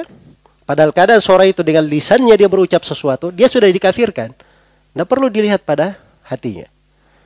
Iya. Jelas ya? Kemudian di antara kekeliruan juga, sebagian orang di masa ini, ada yang mengatakan bahwa siapa yang sujud kepada berhala, ya, karena dunia, karena urusan dunia, ya, oh dia sujud ke berhala. Siapa dia? Oh dia ini politisi, cuma cari suara, ya, jelas ya. Oh dia menyembah kepada berhalanya salah satu penganut ibadah. Oh kenapa? Oh dia kan cuma tebar pesona aja. Nah ini dunia, Bagaimana hukumnya? Oh dia tidak kafir lah gara itu. Cuma dunia kok. Ya. Jelas ya? Ini di antara kekeliruan ini termasuk pendapatnya apa? Orang-orang murjia. Baik. Iya. Kemudian di antara kekeliruan juga, ya, adalah orang yang memberi udur dengan kejahilan secara mutlak adalah orang yang memberi udur kejahilan secara mutlak kepada para penyembah kuburan. Iya. Ini saya katakan memberi udur secara apa? Secara mutlak. Jadi kalau ada orang beribadah di kubur, meminta kepada penghuni kubur, ya, oh ini tidak bisa kita kafirkan. Barangkali mereka ini apa namanya harus dipastikan hatinya itu kayak bagaimana. Ya, Kemudian harus dilihat, ini sudah sampai hujah kepadanya atau tidak. Nah, ini keliru ya. Kita sudah bahas di pembahasan ini. Bahwa orang-orang yang seperti ini itu kadang dikafirkan apabila mereka tinggal di negeri Islam. Ada mendengarkan dari ayat-ayat dan hadith sampai kepada mereka, ayat-ayat dan hadith. Ada orang-orang yang memaham, ada orang-orang yang menyampaikan itu tidak boleh. Mereka dengar itu.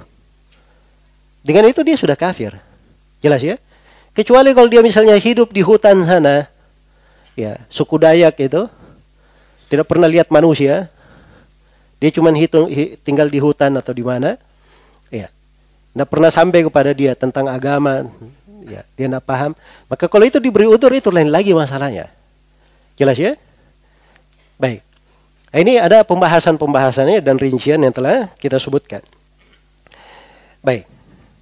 Dan di masa ini pembahasan-pembahasan ini sebagian manusia, subhanallah ya, masuk di dalam hal-hal yang dia tidak pahami. Nah, di sinilah pintu keliru di dalamnya antara orang-orang yang gulu ekstrim dalam mengafirkan dari kelompok khawarij dan orang-orang murjiah ini.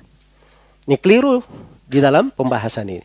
Dan ahli sunnah wal jamaah selalu berada di pertengahan dalam hal-hal besar yang seperti ini. Baik. Jadi saya sudah simpulkan ya dari ucapan lima pokok pembahasan sebenarnya membedakan apa akidah salaf dan apa akidah murjiah di masalah iman. Ini lima pokok pembahasan.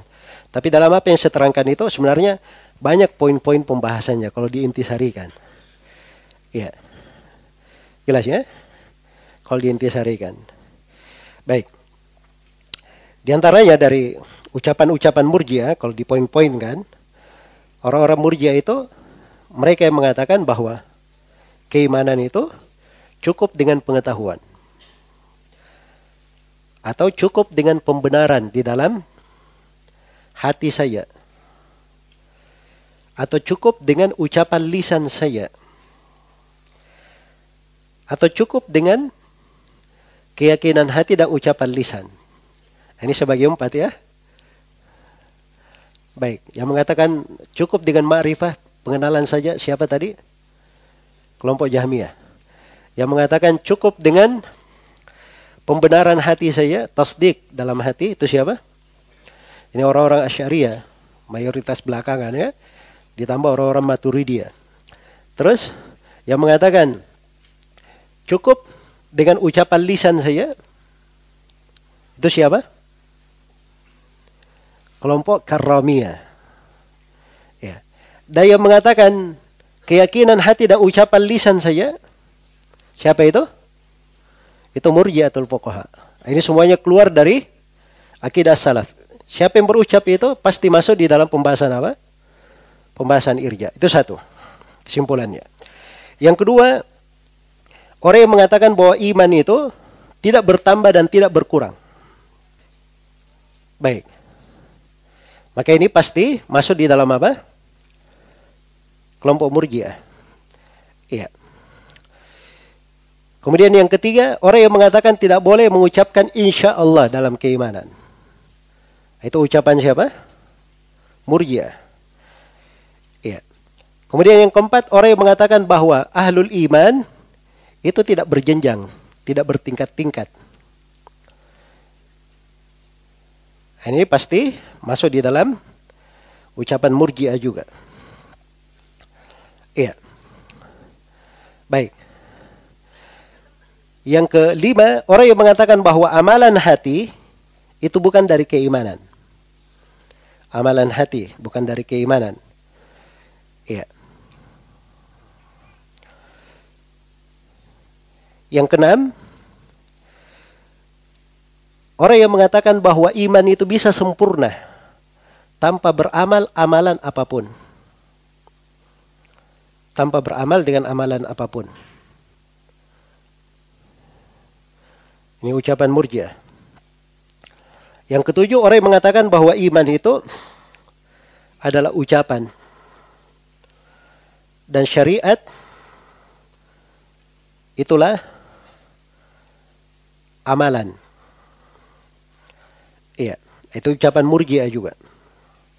Ini saya belum sebutkan tadi, harusnya saya terangkannya di pembahasan kaidah yang pertama, pembeda yang pertama. Karena Imam Ahmad rahimahullah taala berkata, "Man za'ama al-imana huwa al-qaul wal amal asy-syara'i fa huwa murji'." Kata Imam Ahmad, siapa yang menyangka bahwa iman itu adalah ucapan sedangkan amalan cuma syariat-syariat, maka itu adalah murji'ah. Jelas ya? Baik. Kemudian yang ke delapan, Ini juga harusnya saya sebutkan ya di pembahasan yang pertama tadi. Orang yang mengatakan bahwa amalan itu kalau masuk ke dalam iman, dia cuman dalam bentuk majaz saja. Dalam bentuk apa? Majaz. Iya. Baik itu yang kedelapan.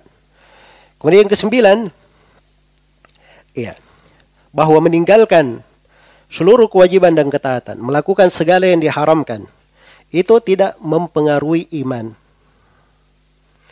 Tidak mempengaruhi iman.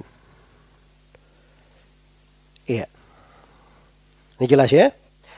Kemudian yang ke-10. Orang yang mengatakan bahwa ya.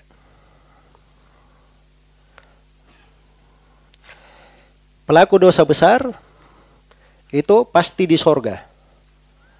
Tidak perlu ada siksaan yang mendahului dan dia tidak masuk neraka sama sekali. Ya, itu ucapan siapa? Murji'ah. Karena ahli sunnah di pembahasan iman bertambah dan berkurang. Jadi karena dia pelaku dosa besar, maka pelaku dosa besar itu dibawa kehendak Allah. Kalau Allah berkehendak diampuni dosanya. Kalau Allah berkehendak dia disiksa sesuai dengan kadar dosanya kemudian dimasukkan ke mana? Ke dalam sorga. Baik. Itu jawaban ahli sunnah. Kemudian dari ucapan murjia juga mereka membatasi kekafiran hanya dalam bentuk pendustaan hati. Ya. Atau dalam bentuk juhud menentang atau dalam bentuk al-istihlal penghalalan hati. Dalam bentuk penghalalan hati. Iya. Kemudian yang ke-12 ya tentang sebagian kekafiran yang nyata seperti mencela Allah, mencela Rasul, mengolok-olok agama, sujud kepada berhala. Ya.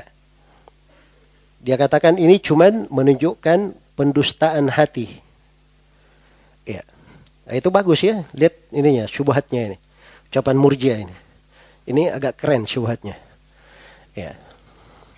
Dia katanya mencela Allah, mencela Rasulnya, mencela Nabi, sujud ke berhala, iya, itu bukan kekafiran pada datnya.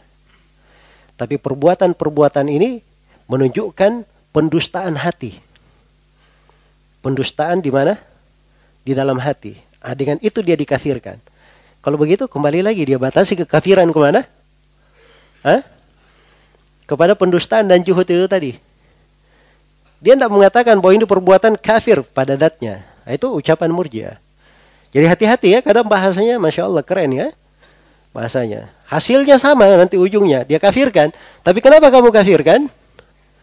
Nah, dia ada syubhat murjia di situ. Iya.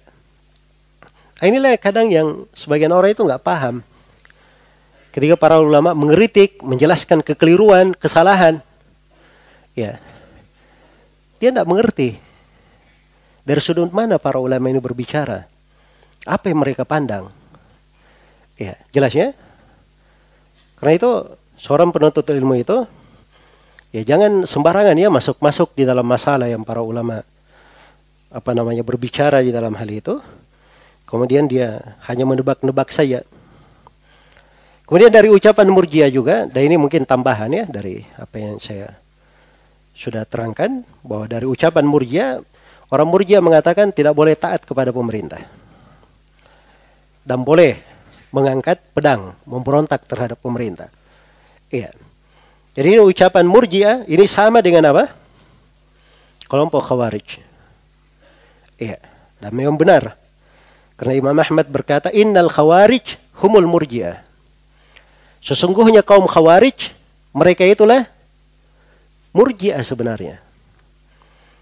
Jelas ya? Jadi murjia juga ada pemahaman seperti itu. Iya.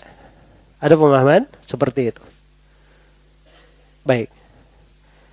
Dalam kaum khawarij itu dia juga jatuh di dalam sebagian perbuatan-perbuatan orang murjiah. Iya. Dalam bentuk meremehkan dosa-dosa. Iya, dosa-dosa besar tapi seakan-akan dia waro. pada sebagian hal. Jelas ya? Seperti sebagian orang-orang khawarij itu dia temukan makanan atau buah di jalan, dia tanya ini buah milik siapa? Ya, tidak boleh kita makan sampai kita minta izin kepada pemiliknya. Ya. Jelas ya, seakan-akan Masya Allah ini warok sekali. Ya. Padahal ini bahlul dalam hukum agama. Jelas ya? Nggak paham. Namanya dia ketemu satu buah di jalan. Ya. Ini sesuatu, satu jatuh itu, pemiliknya itu tidak mungkin dia pergi cari. Mana ini yang satu jatuh. Jelas ya? Hal yang seperti itu dibolehkan dalam syariat untuk diambil, dimakan. Tapi dia Masya Allah, warok sekali di situ. Tanya dulu pemiliknya, minta izin. Ya. Tapi seorang sahabat, dia sembelih. Karena tidak mengikut madhabnya. Khawarid. Bahkan budaknya yang sudah hamil, dibelah perutnya. Sampai mengalir darahnya ke sungai. Nah, itu biasa bagi mereka. Jelas ya? Nah, ini, jadi kalau dikatakan oleh Imam Muhammad, Al-Khawarij itu mereka murjia, betul ada hal itu. Mereka memang dari sudut hasil juga mereka ini orang-orang murjia juga memandang untuk mengangkat senjata. Iya. Karena itu hati-hati ya di dalam hal-hal yang seperti ini. Kata Sufyan ats-Tsauri ketika ditanya tentang murjia, hum yarawna saif ala ahli kiblah. Murjia itu memandang boleh mengangkat senjata terhadap kaum muslimin.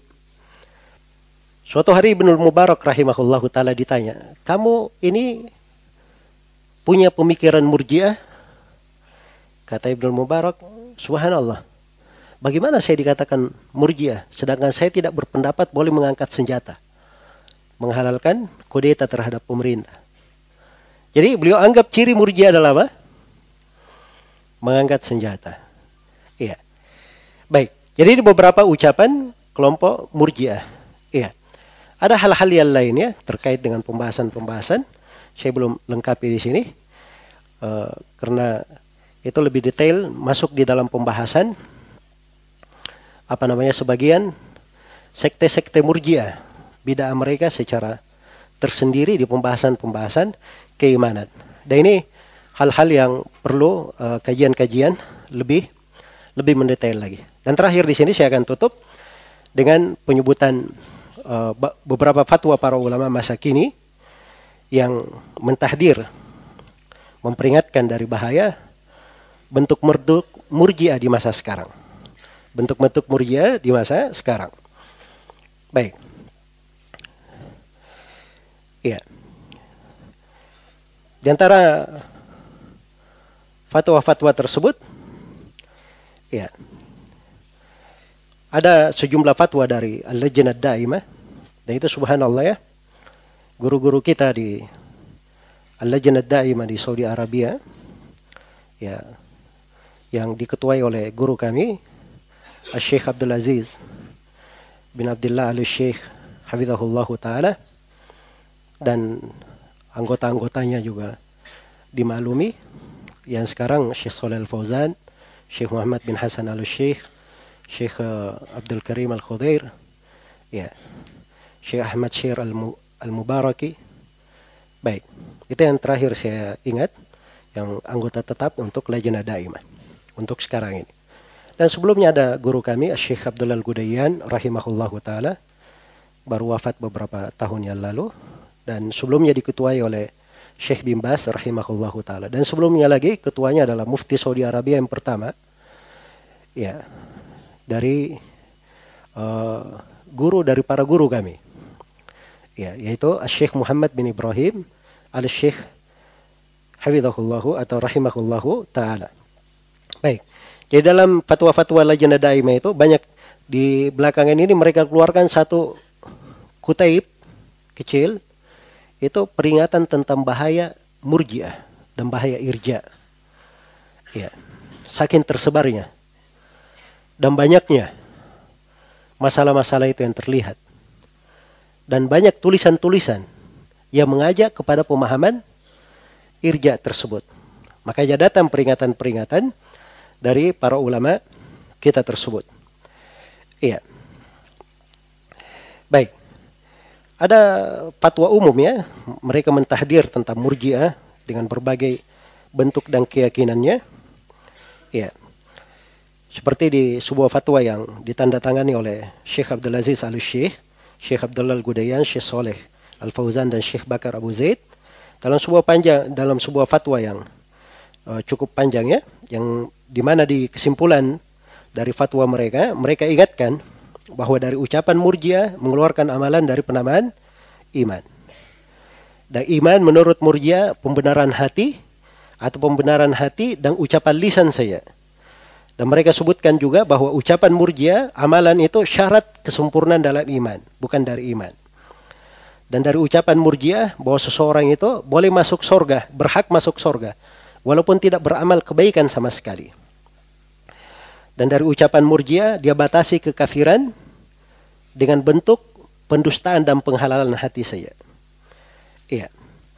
Baik. Jadi ini dari pokok-pokok pemikiran murjiah yang mereka terangkan di dalam fatwa tersebut. Dan ada fatwa terkait dengan tahdir terhadap buku Ihkamut Takrir. Ada buku namanya Ihkam At-Takrir fi Ahkamit Takfir. Ditulis oleh Murad Syukri. Iya. Ditulis oleh Murad siapa? Syukri. Dari buku dicetak, dikasih kata pengantar oleh Ali Hasan Al-Halabi. Iya.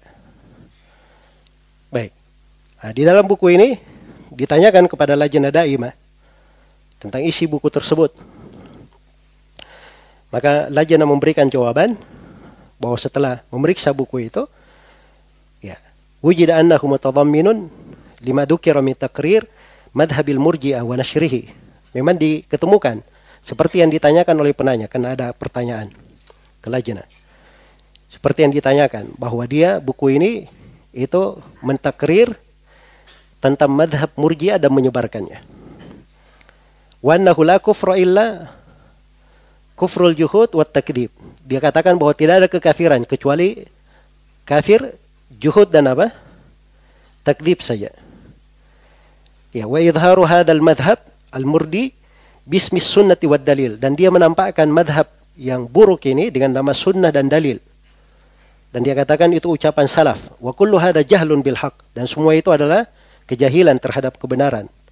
Wa talbis wa tadlil. Ya dihitung talbis dan tadlil terhadap akal-akal orang-orang yang baru belajar. Ya dan seterusnya ya, sampai akhir fatwa yang kesimpulan fatwa ini beliau ter, mereka terangkan bahwa madhab murjiah tidak ada kekafiran kecuali apa? Kufur juhud dan takdib. Ya. Terus yang kedua diterangkan di dalam fatwa bahwa dari kejahilan terhadap kebenaran, talbis, mengaburkan dan menyesatkan akal-akal orang yang baru belajar, kalau dia katakan bahwa membatasi kekafiran dengan juhud dan takdib, pengingkaran dan pendustaan, itu ucapan as-salaf. Iya. Dan di dalam fatwa juga mereka terangkan bahwa di antara madhab murjiah la yadurru mal iman dam bahwa dosa itu tidak membahayakan keimanan. Iya. Baik. Kemudian mereka terangkan juga bahwa di antara keyakinan ahli sunnah dalam ke ke kekafiran, kekafiran itu kadang dengan ucapan, kadang dengan perbuatan, kadang dengan meninggalkan, kadang dengan keyakinan, dan kadang dengan keraguan. Iya. Kadang dengan keraguan. Baik. Dan di sini ada kalimat yang penting, bagus di ucapan lajnah di sini. Ya. Nasihat kepada si penulis ini supaya dia bertobat kembali kepada jalan Allah. Kemudian kata para ulama kita, ini ditandatangani oleh Syekh bin Bas ya fatwa ini. Ya. Syekh bin Bas waktu itu masih hidup. Ketika memperingatkan bahaya pemikiran siapa? Murad Sukri ini. Syekh bin Bas waktu itu masih hidup rahimahullah. Dan di antara tanda tangan ya sama saja Syekh Abdullah Al Syekh juga waktu itu sebagai wakil ada Syekh Abdullah Gudayan, Syekh Soleh Al Fauzan dan Syekh Bakar Abu Zaid. Dan di akhirnya mereka katakan ala man lam tarsah qadamuhu fil ilmi syar'i alla yakhudha fi misli hadhihi masail. Terhadap orang yang belum kuat kakinya di ilmu syariat, jangan dia larut membicarakan masalah-masalah yang seperti ini. Hatta la yahsul min ad-darar wa ifsadil aqaid adhaf ma kana ya'muluhu atau yu'ammiluhu min an-naf'i wal islah. supaya tidak terjadi kerusakan, uh, tidak terjadi bahaya dan kerusakan akidah melebihi apa yang diharapkan dari manfaat dan perbaikan. Ya, dan ini nasihat yang bagus ya, agar seorang penuntut ilmu itu jangan sembarang masuk di dalam hal yang seperti ini. Ya, dan dia juga baca jangan dia baca sembarangan saja. Ya ini Murad Syukri bukan seorang ulama. Jelas ya? Bukan seorang ulama. Jadi mengambil dari pembahasan-pembahasan yang seperti ini, ini adalah jalan yang keliru. Apalagi ini masalah-masalah besar. Baik. Kemudian demikian pula ada buku lain, ada fatwa lain di Lajnah Daimah, tahdir dari buku yang berjudul Hakikatul Iman, karya Adnan Abdul Qadir. Iya. Baik. Di situ disebutkan di di dalam fatwa ya sama bahwa ini madhab yang disuruhkan dalam madhab murjiah di mana mereka keluarkan amalan dari penama-nama iman. Ya. Terus disebutkan di fatwa Lajnah Daimah bahwa hakikat iman di kalangan murjiah bahwa iman itu syarat kamal, syarat kesempurnaan. Iya. Syarat kesempurnaan. Baik. Dan di sini juga di fatwa Lajnah di sini ada hal yang penting sebenarnya yang perlu diingatkan. Ya. Karena di fatwa ini ditandatangani oleh Syekh Abdullah Salus Syekh, Syekh Salal Fauzan, Syekh Abdul Gudayan dan Syekh Bakar Abu Zaid ya bahwa di masa sekarang ini ada orang-orang yang menampakkan madhab murjiah tapi dia keluarkan dengan nama ahli sunnah wal jamaah dan ini yang berbahaya ya dan harus uh, apa namanya seorang itu menghindarkan diri dari segala hal yang merupakan tempat-tempat kesesatan ya kemudian di antara fatwa juga yang dikeluarkan oleh Lajnah Daimah ada beberapa fatwa lain ya Ya. Terkait dengan buku ada namanya Ahmad bin Salih Az-Zahrani. Ya. Ini juga diingatkan karena mengajak uh, dia meng tidak menganggap amalan yang zahir itu masuk di dalam hakikat iman. Iya. Baik. Kemudian yang terakhir di sini yang ingin saya bacakan terkait dengan fatwa Lajnah Daimah terhadap dua buku yang berjudul At-Tahdir min Fitnati Takfir dan Sayhatun Nadir. Sayhatu Nadir. Ini dua-duanya ditulis oleh Ali Hasan Al-Halabi. Iya. Dan ini dua buku ditahdir oleh Lajnah Daimah. Ya, dan fatwa ditandatangani oleh Syekh Abdul Aziz bin Abdullah Al-Syekh, Syekh Abdullah Al-Gudayan, Syekh Saleh Al-Fauzan, dan Syekh Bakar Abu Zaid. Baik. Jadi ini dua buku dipertanyakan kepada Al-Lajnah Daimah. Tentang isinya. Maka mereka jawab ba'da dirasatil lajnah lil kitabaini al-madhkurain. Setelah lajnah membaca dua buku yang disebutkan, tabayyana lil lajnah anna kitab at-tahdhir min fitnati takfir jama' Ali Hasan al-Halabi. Ya, maka tampak bagi Al-Lajnah setelah mempelajari dua buku ini bahwa kitab At-Tahdir min Fitnati Takfir. Ini judulnya saja sudah diralat oleh penulisnya. Sudah dapat masukan. Jelas ya? Tadinya begitu judulnya, tapi sekarang dia ralat menjadi uh, min fitnatil gulu fit takfir. Dari fitnah ekstrim dalam mentakfir. Nah, itu ralatnya benar.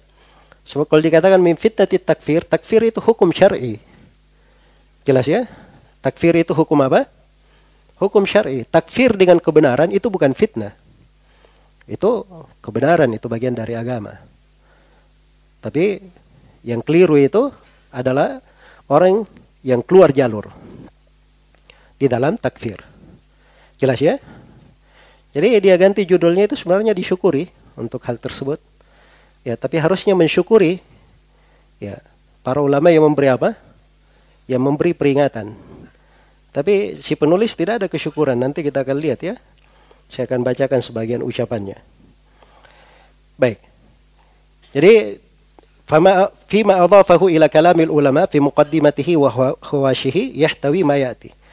Apa yang dia sandarkan dari kalam dari ucapan ulama di pendahuluan dan di catatan-catatan kakinya itu mencakup beberapa kritikan. Ini yang dikritik. Yang pertama, Ya, banahu muallifuhu ala madhhabil murji'ah al-bid'i al-batil alladzina yahsuruna al-kufur bi kufr al-juhudi wat takdzib wal istihlal al-qalbi. Di mana si penulis ini dia membangun ucapannya di atas madhab murji'ah yang bid'ah yang batil. Yang mereka membatasi kekafiran di atas juhud, takdib, dan penghalalan hati. Jelas ya? Disebutkan ya seperti di halaman 6 di catatan kaki nomor 2, halaman 20 dikasih halaman-halamannya. Ya. Supaya dia apa namanya? periksa sudut kritikan lajnah daimah. Kemudian lajnah berkata bahwa membatasi kekafiran pada tiga ini, ini menyelisihi madhab ahli sunnah wal jamaah. Bahwa al-kufur yakun bil i'tiqad wa bil qawli wa bil fi'l syak. Bahwa kekafiran itu dia dengan keyakinan, dengan ucapan, dengan perbuatan dan dengan apa? Keraguan.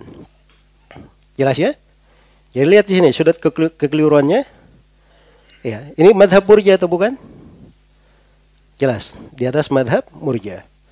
Baik. Kemudian dia yang kedua tahrifuhu fin naql an Ibnu Katsir bil bidayah wa nihayah haitsu dzakara fil hasyiah naqlan Ibnu Katsir anna Jinkis Khan idda'a fil yasaq annahu min indillah ya wa anna hadha huwa sababu kufrihim wa inda ar-ruju' ila al-mawdi' al-madhkur lam yujad fihi ma nasabahu ila Ibnu Katsir ini sudut yang lain dikritik dia menisbatkan ucapan kepada Ibnu Kathir ya dan ketika dirujuk kepada tempat yang dia berikan acuan tidak diketemukan ya ada jawaban-jawabannya dia jawab ucapan lajana ini sebab ini orang yang diberi nasihat oleh lajana ya ribut sana sini jelas ya setelah keluar fatwa Lajnah Daimah ini, dia bantah ke sana sini. Ya. Dia bantah dengan sebuah bantahan. Setelah keluar bantahannya, dibantah lagi oleh seorang yang bernama Salim Ad-Dawsari. Judulnya Raf'ul La'imah, Fatwa Lajnah Ad-Daimah. Dari bantahan diberi kata pengantar oleh Syekh Shalal Fauzan, ya, oleh guru kami juga Syekh Abdul Aziz Ar-Rajihi, dan beberapa yang lainnya. Jelas ya? Jadi ini bukan masalah orangnya. Orangnya memang setelah itu kelihatan dia ada pemahaman takfiri si Salimat Dausari ini. Dan sekarang dia di penjara. Jelas ya? Tapi apa yang dia tulis di situ dari bantahan terhadap buku Ali Hasan yang membantah Lajnah Daimah itu pembelaan ya yang ditulis di Raful Laimah itu benar. Itu adalah hal yang apa? Hal yang benar. Jelas ya? Baik. Nah, di sini datang sebagian orang itu kan si penulisnya sekarang di penjara.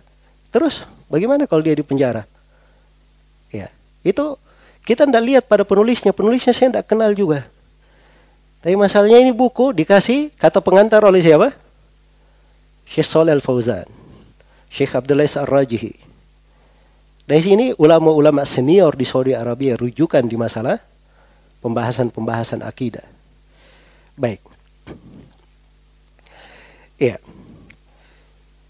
Kemudian yang ke yang ketiga, taqawwuluhu ala Syekhul Islam Ibnu Taimiyah. Kedustaan dia terhadap Syekhul Islam itnasaba ilaihi Jami'ul Kitabil Madkur di mana orang yang mengumpulkan buku ini ya, buku yang dikritik ini Tahdir min fitnati takfir أن الحكم المبدل لا يكون عند شيخ الإسلام كفرا إلا إذا كان عن معرفة واعتقاد واستهلال katanya bahwa hukum yang terganti menurut Syekhul Islam itu tidak kafir. Kecuali kalau dibangun di atas ma'rifah pengetahuan keyakinan dan istihlal. Ya jelas ya? Nah, ini sudah keliru ya. Kita sudah paham, terangkan di pembahasan apa namanya uh, tentang masalah hukum bigeri ma anzalallah. Enam kondisi kapan dia dikatakan? Dia kafir keluar dari apa? Korea Islam. Ini dibatasi cuman ma'rifah, keyakinan dan apa? Dan istihlal. Ini madhabnya kaum murjiah. Ya kata beliau, dan ini mahdu tawak taqawul ala Syekhul Islam Ibn Taimiyah. Dan ini semata kerustan atas Syekhul Islam Ibn Taimiyah. Jelas ya? Ya dan eh, bahwa nasyiru مذهب السلف أهل السنة والجماعة ومذهبهم كما تقدم وإنما وهذا إنما هو مذهب المرجئة شيخ الإسلام itu itu yang menyebarkan madhabnya as-salaf ahli sunnah wal jamaah madhab ahli sunnah itu sudah diterangkan bahwa kekafiran kadang dengan keyakinan ucapan perbuatan dan apa keraguan ya adapun ini ucapan yang disandarkan oleh si penulis ini Ali Hasan kepada Syekhul Islam itu adalah madhab murjiah baik Kemudian disebutkan ya fatwa sudut-sudut kritikan yang lain saya tidak baca semuanya. Ya. Yang jelas di dalam uh, kemudian setelah itu dilihat lagi ke buku Sehatun Nadir. Ya, Sehatun Nadir. Ya. Ini buku sama dengan sebelumnya. Nanti saya akan uh, perlihatkan atau saya akan bacakan beberapa sudut yang dikritik di dalam hal tersebut. Jadi kesimpulannya bahwa di fatwa ini disebutkan bahwa kitab At-Tahdir min fitnatit takfir ini dibangun di atas madhab murjiah, bid'i dan apa? Dan batil. Dan keterangan di buku ini, di fatwa ini juga bahwa murjiah itu membatasi kekafiran pada apa? Juhud, takdib dan apa? Istihlal. Ya. Dan di fatwa ini juga diterangkan tadi pokok pembeda antara ahli sunnah dan murjiah. Kalau ahli sunnah itu meyakini bahwa kekafiran di kalangan ahli sunnah kadang dengan apa? Keyakinan, terus? Hah? Kadang dengan ucapan, kadang dengan perbuatan, dan kadang dengan keraguan. Baik. Jadi itu beberapa hal dan Lajnah Daimah memandang bahwa dua buku ini tidak boleh untuk dicetak. Tidak boleh disebarkan. Tidak boleh untuk disebarkan. Ya, baik. Dan di sini saya uh, memang mungkin perlu saya bercerita sedikit tentang sebagian hal dari penulis dua buku ini yang dikritik oleh Lajnah Daimah. Ya, sebab di sekarang ini banyak orang-orang yang berbicara dengan kebatilan. Ya. Karena memang ketika keluarnya fatwa Lajnah ini, ya si penulis ini dia bicara di sana sini. Seakan-akan Lajnah Daimah itu ya, ini orang-orang yang tidak punya ketelitian dalam memberi fatwa. Ya. Sampai waktu masalah ini muncul, ketika masalah ini muncul, saya ada telepon dari seorang kawan di Amerika. Dia pas berkunjung ke Batam sana.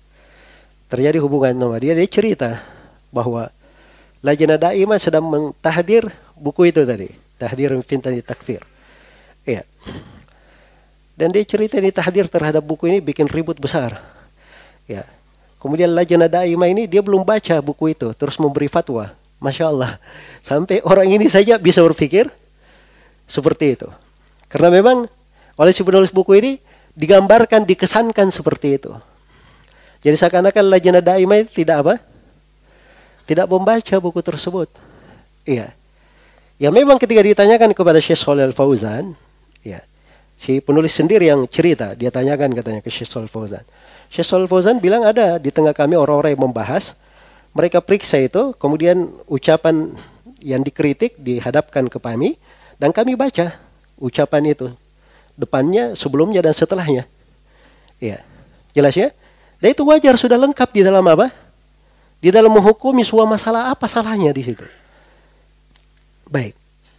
Kemudian itu Syekh Shalal Fauzan sendiri, yang lainnya bagaimana? Di dalam itu ada empat orang yang memberi fatwa. Terkait dengan apa? Terkait dengan buku tersebut. Iya. Maka itu namanya memutar balik. Iya. Memutar balik dari kenyataan. Iya. Jadi para ulama kita itu ketika memberikan fatwa terhadap buku tersebut, mereka sudah pelajari. Ya. Dan mereka lihat pembahasan-pembahasan yang ada di situ. Dan mereka paham apa makna yang dimaksudkan oleh si penulis ini. Ya, dari situlah diberi fatwa. Diberi fatwa oleh Lajnah Daimah. Jelas ya? Ya, saya kalau bahas sebenarnya satu persatu dari kritikan-kritikan bagaimana bentuk talbis dan tadlis yang dilakukan oleh si penulis ini untuk membela dirinya. Ya. Itu sangat banyak sekali. Baik. Tapi secara umum bahwa apa-apa yang dikritik oleh Al-Lajnah Daimah itu semua pada tempatnya. Tidak ada yang keluar.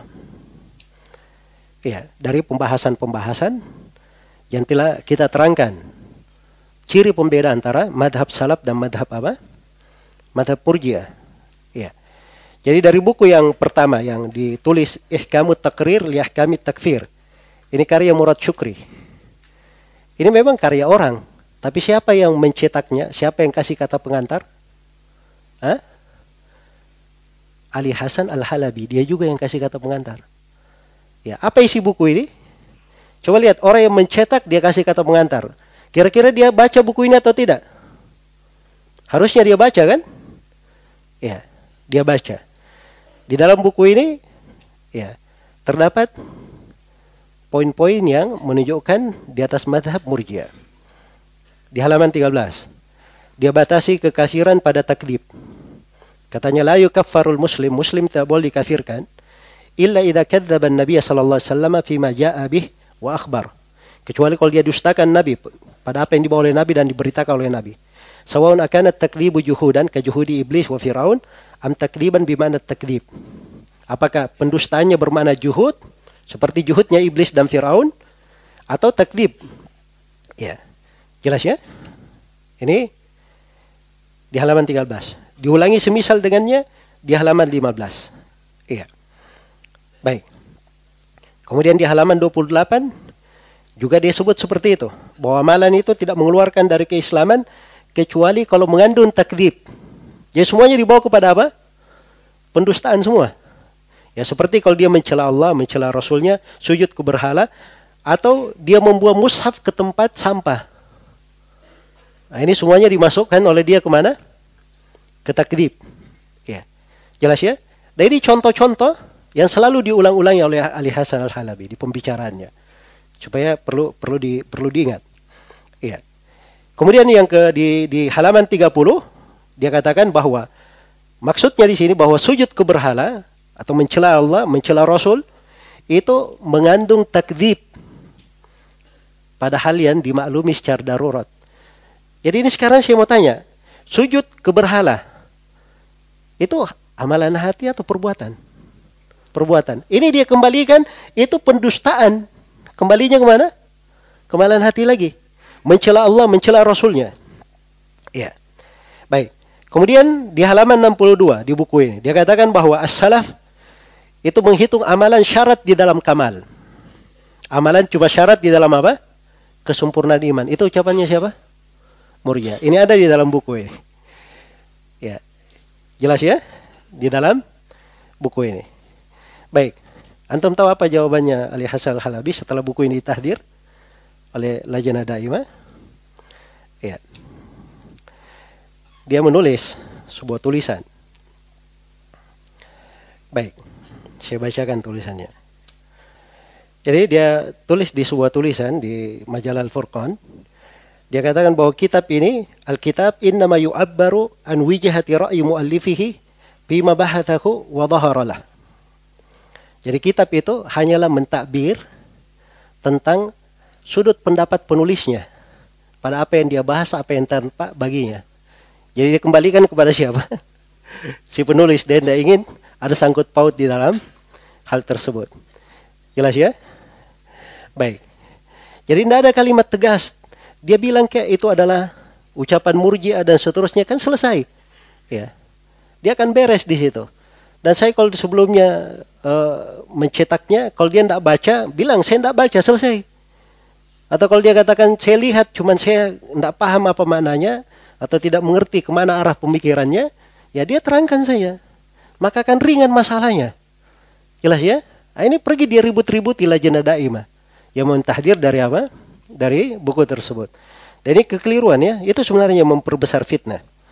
Iya. Baik. Kemudian di buku yang diingatkan oleh Lajnah Daimah terkait dengan At-Tahdir min fitnati takfir itu ada ucapan Ibnu Hazm di situ. Dia potong-potong. Iya. Dia potong-potong.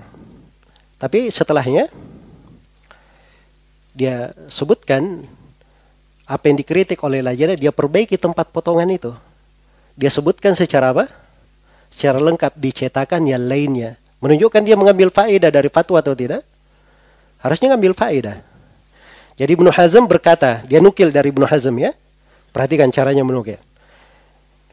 Ibnu Hazm berkata, Al-kufru sifatu man jahada syai'an mimma aftaradallahu ta'ala al-imanu bihi ba'da qiyamil hujjati alaihi bibulugil haqqi ilaih. Kekafiran itu adalah sifat. Siapa yang mengingkari, yang menentang sesuatu dari apa yang Allah wajibkan untuk diimani. Setelah ditegakkan hujjah kepadanya, dengan sampai kebenaran kepadanya. Nah, sampai situ saja dia nukil. Sekarang yang teman pahami di sini apa? Kekafiran terbatas pada apa? Hah? Juhud saja, mengingkari. Ya atau tidak? Ya kan? Tapi kalau kita baca ucapan Ibnu Hazm kelanjutannya, itu beda. Kata Ibnu Hazm pada kelanjutannya, biqalbihi duna lisanihi, apakah itu dia lakukan dengan hatinya tanpa lisannya? Au bilisanihi duna qalbihi, atau dengan lisannya saja tanpa hatinya? Au bihi mamaan, atau dengan dua-duanya sekaligus? Ya. Au amila amalan jaa an-nassu bi annahu mukhrijun bidzalika an ismil iman atau dengan sebuah amalan yang datang dengannya nas yang mengatakan bahwa itu keluar dari keimanan. Jadi kalau dilanjutkan ucapan Ibnu Hazm, dia sesuai dengan ucapannya ahli sunnah. Tapi kenapa dia potong? Nah, ini yang dikritik oleh Lajnah Daimah. Bahwa memang pemahaman si penulis mengarah ke sana. Makanya dia potong ini ucapan. Jelas ya? Baik. Kemudian dia nukil juga dari Syekh Abdurrahman bin Nasir As-Sa'di. Iya. Dikatakan di buku itu di halaman 11 katanya haddul kufri al-jami' li jami'i ajnasihi wa anwa'ihi wa afradihi huwa juhdu ma ja'a bihi rasul au juhdu ba'dihi yang mengumpulkan di batasan kekafiran ya yang mengumpulkan segala jenis kekafiran, segala bentuk dan segala bagian-bagiannya. Ya. Kekafiran jadi dikatakan batasan kekafiran itu apa di sini? Yaitu mengingkari apa yang dibawa oleh Rasul atau mengingkari sebagiannya. Kembali kepada juhud lagi, penentangan, mengingkari. Jadi sekarang di sini yang pahami apa? Kekafiran itu batasannya apa? Mengingkari. Anda tahu ucapan Syekh Abdurrahman bin Nasir as di sebelumnya apa? Sebelumnya. Sebelumnya beliau katakan al-murtad huwa alladhi kafara ba'da islamihi biqaulin aw fi'lin aw i'tiqadin aw syak. Orang yang murtad itu kata Syekh adalah orang yang kafir setelah Islam dengan ucapan atau dengan perbuatan atau dengan keyakinan atau dengan keraguan. Setelah itu baru beliau berkata wahaddul kufril jami dan batasan kekafiran yang mengumpulkan Berarti yang sebelumnya ini kenapa dia buang? Hah? Jelas ya? Baik. Jadi secara umum kalau kita ingin bahas satu persatu, saya bisa tunjukkan ya, tapi ini saya tidak khusus membahas untuk apa namanya penulis buku ini. Iya. Cuma ingin saya jelaskan bahwa sebagian orang kadang yang menasihatinya, ini yang menasihatinya bukan sembarangan. Ini para ulama, ya, rujukan manusia di seluruh dunia dalam fatwa. Orang-orang yang sudah beruban di atas keimanan, menyampaikan ilmu. Jelas ya? Mungkin sebagian anak-anak syekh itu lebih tua umurnya daripada si penulis itu. Ya. Lebih tua umurnya daripada si penulis tersebut. Tapi bersamaan dengan itu, ya, bagaimana dia menyikapi apa namanya fatwa lajnah daimah sudah ada padahal sudah ada yang dia perbaiki dari fatwa ya bahkan dia sendiri menganggap bahwa fatwa itu sebenarnya mendukung dia dia punya ada buku-buku lain dia tulis dalam hal itu saya baca senyum-senyum aja baca tulisan-tulisan itu. Ya sebab itu dari bentuk pembelaan diri. Di mana-mana membela dirinya. Dan di mana-mana bahkan di dia punya satu uh, apa namanya tulisan yang di muat di webnya. Ya terkait dengan salah satu pembicaraan telepon katanya. Ya ke Rusia. Ya dan dia sebutkan di situ bahwa ya dengan segala hormat kepada lajnah daimah dan saya menyalahkan mereka dalam fatwanya ya jadi bersama dengan itu dia salahkan fatwa lajnah tetapi ini semuanya bukti-bukti otentik ada pada apa pada bukunya ya Jelas ya? Tidak ada hal-hal lain kalau diterangkan ini akan menjadi panjang sekali. Cuma saya ingin ingatkan, ini satu pembahasan di masalah iman. Dan para ulama berbicara tentang Syekh Ali Hasan Al-Halabi bukan di pembahasan iman saya. Bukan di pembahasan iman saya. Ada pembahasan-pembahasan yang lain. Ada sebab-sebab lain. Ya. Mereka berbicara tentang hal tersebut. Dan yang berbicara itu bukan cuma lajana daimah saya. Yang berbicara tentang hal tersebut. Ya. Banyak dari para ulama yang berbicara tentang apa namanya pemahaman-pemahaman keliru dari Syekh Ali Hasan Al-Halabi ini. Iya. Bukan cuma di pembahasan masalah iman. Ada di pembahasan-pembahasan lain. Khususnya perkembangan-perkembangan belakangan, dia menulis buku-buku yang menyelisihi metode dan jalan para as-salaf di, berbagai pembahasan. Demikian pula di uh, Risalah Amman, ya, sehingga Syekh Soleh Suhaimi sendiri, padahal Syekh Soleh Suhaimi ini Masya Allah ya, dari ulama kita yang lembut, ya dari guru kita yang apa namanya bicaranya uh, indah. Tapi bersamaan dengan itu beliau berkata itu ada rekamannya yang tuh bisa lihat sendiri di internet beliau ditanya ya belum buat pernyataan mufti di Saudi Arabia itu tidak mentabdi Ali Hasan tapi saya mengatakan dia mubtadi Ali Hasan ini. Dia ahlul bidah. Iya. Jadi itu ucapan ulama. Ketika Syekh Abdul Gudayan ditanya tentang Ali Hasan Al-Halabi, beliau berkata ini orang yang membawa madhab murjiah di Saudi Arabia ini. Iya. Jelas ya? Baik. Jadi itu ucapan-ucapan para ulama di dalam hal ini. Paling tidak seseorang itu ada tanabuh. Iya. Para ulama berbicara dengan kebenaran dengan hal yang hak, bukan bicara omong kosong. Ya, dan mereka menasihati baik di dalam hal itu. Yang aneh bin ajaib katanya dinukil bahwa Syekh Ibn Uthaymin mengatakan ini fatwa lajnah daimah memecah manusia. Ya. Dan itu tidak masuk akal. Kalau ada fatwa dari Syekh Ibn Uthaymin, mana nas fatwanya? Di mana suara beliau, di mana tanda tangannya? Cuman ada nukilan saja, katanya Ali Hasan pernah dengar. Ya siapa yang terima dari dia? bukunya sendiri dia keliru, jelas-jelas dia tidak bisa pahami apa yang dia tulis.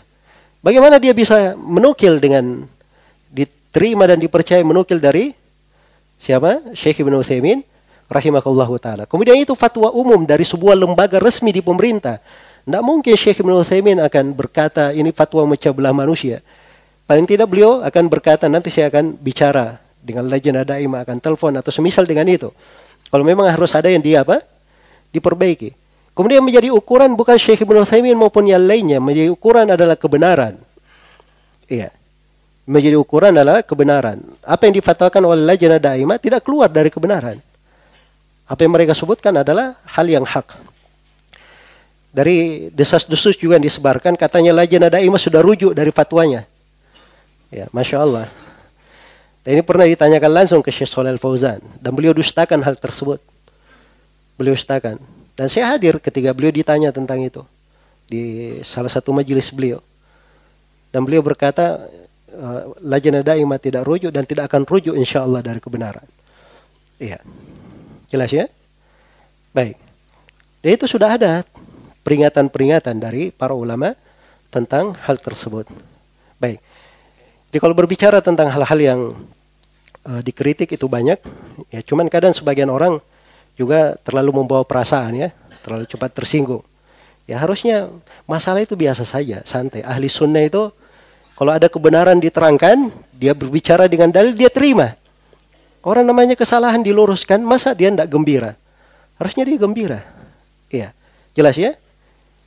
Jadi siapa pun yang berbicara dengan kebenaran itu diterima. Ya, diterima akan hal tersebut. Jadi jangan menggambarkan masalah itu menjadi gambaran hal yang sederhana. Ya. Apalagi menjadikan masalah itu masalah yang diributkan di seluruh penjuru dunia. Orangnya di mana-mana ketika mendatangi beberapa negara ditanya tentang ini bercerita tentang lajnah daimah. Ya sampai yang bersangkutan pernah di Surabaya di sana ditanya tentang buku Raful Laimah dan fatwa lajnah daimah. Dia katakan ini batil, buku ini batil dari alif sampai ya-nya. Ini Masya Allah ya, bukunya batil dari alif sampai apa? Sampai ya-nya. Ya, ekstrim sekali di dalam berkalimat. Dan ini tidak bagus ya hal-hal yang seperti ini. Kalau ingin mengobati, ya menyelesaikan itu dibicarakan dengan hal-hal yang ilmiah. Tapi ini sudut pembahasan memang sengaja saya ingatkan. Sebab saya teringat dari pesan sejumlah guru kita, masalah murjiah ini, ini dari masalah-masalah yang bisa merusak manusia. Ya, bisa membahayakan dakwah ahli sunnah. Bisa membahayakan akidah mereka. Kalau tidak diobati secara dini, dari awal di, munculnya diobati, maka dia akan menjadi besar. Ya, maka harus diterangkan. Ya, pokok yang diinginkan di sini adalah kita jelas apa itu iman antara akidah salaf dan akidah murjiah. Salah satu kritikan Syekh Mukbil rahimahullah taala terhadap Abdul Hasan Al-Misri, Abdul Hasan Al-Misri itu orang yang paling pertama membawa masalah iman itu ke Yaman. Dan dia ribut-ribut tentang masalah itu di sana. Dan dia juga jatuh di dalam beberapa kekeliruan di pemerasalan iman sama dengan kekeliruan Ali Hasan Al-Halabi. Ya. Dan ini semuanya dirinci oleh para ulama, dibahas dan diingatkan. Jelas ya, karena kecintaan mereka terhadap kebenaran, keinginan mereka supaya orang yang keliru rujuk kepada kebenaran dan supaya yang lebih penting lagi supaya umat ini terjaga dari kebenaran, terhindar dari hal-hal yang keliru di tengah mereka. Ya wallahu taala alam.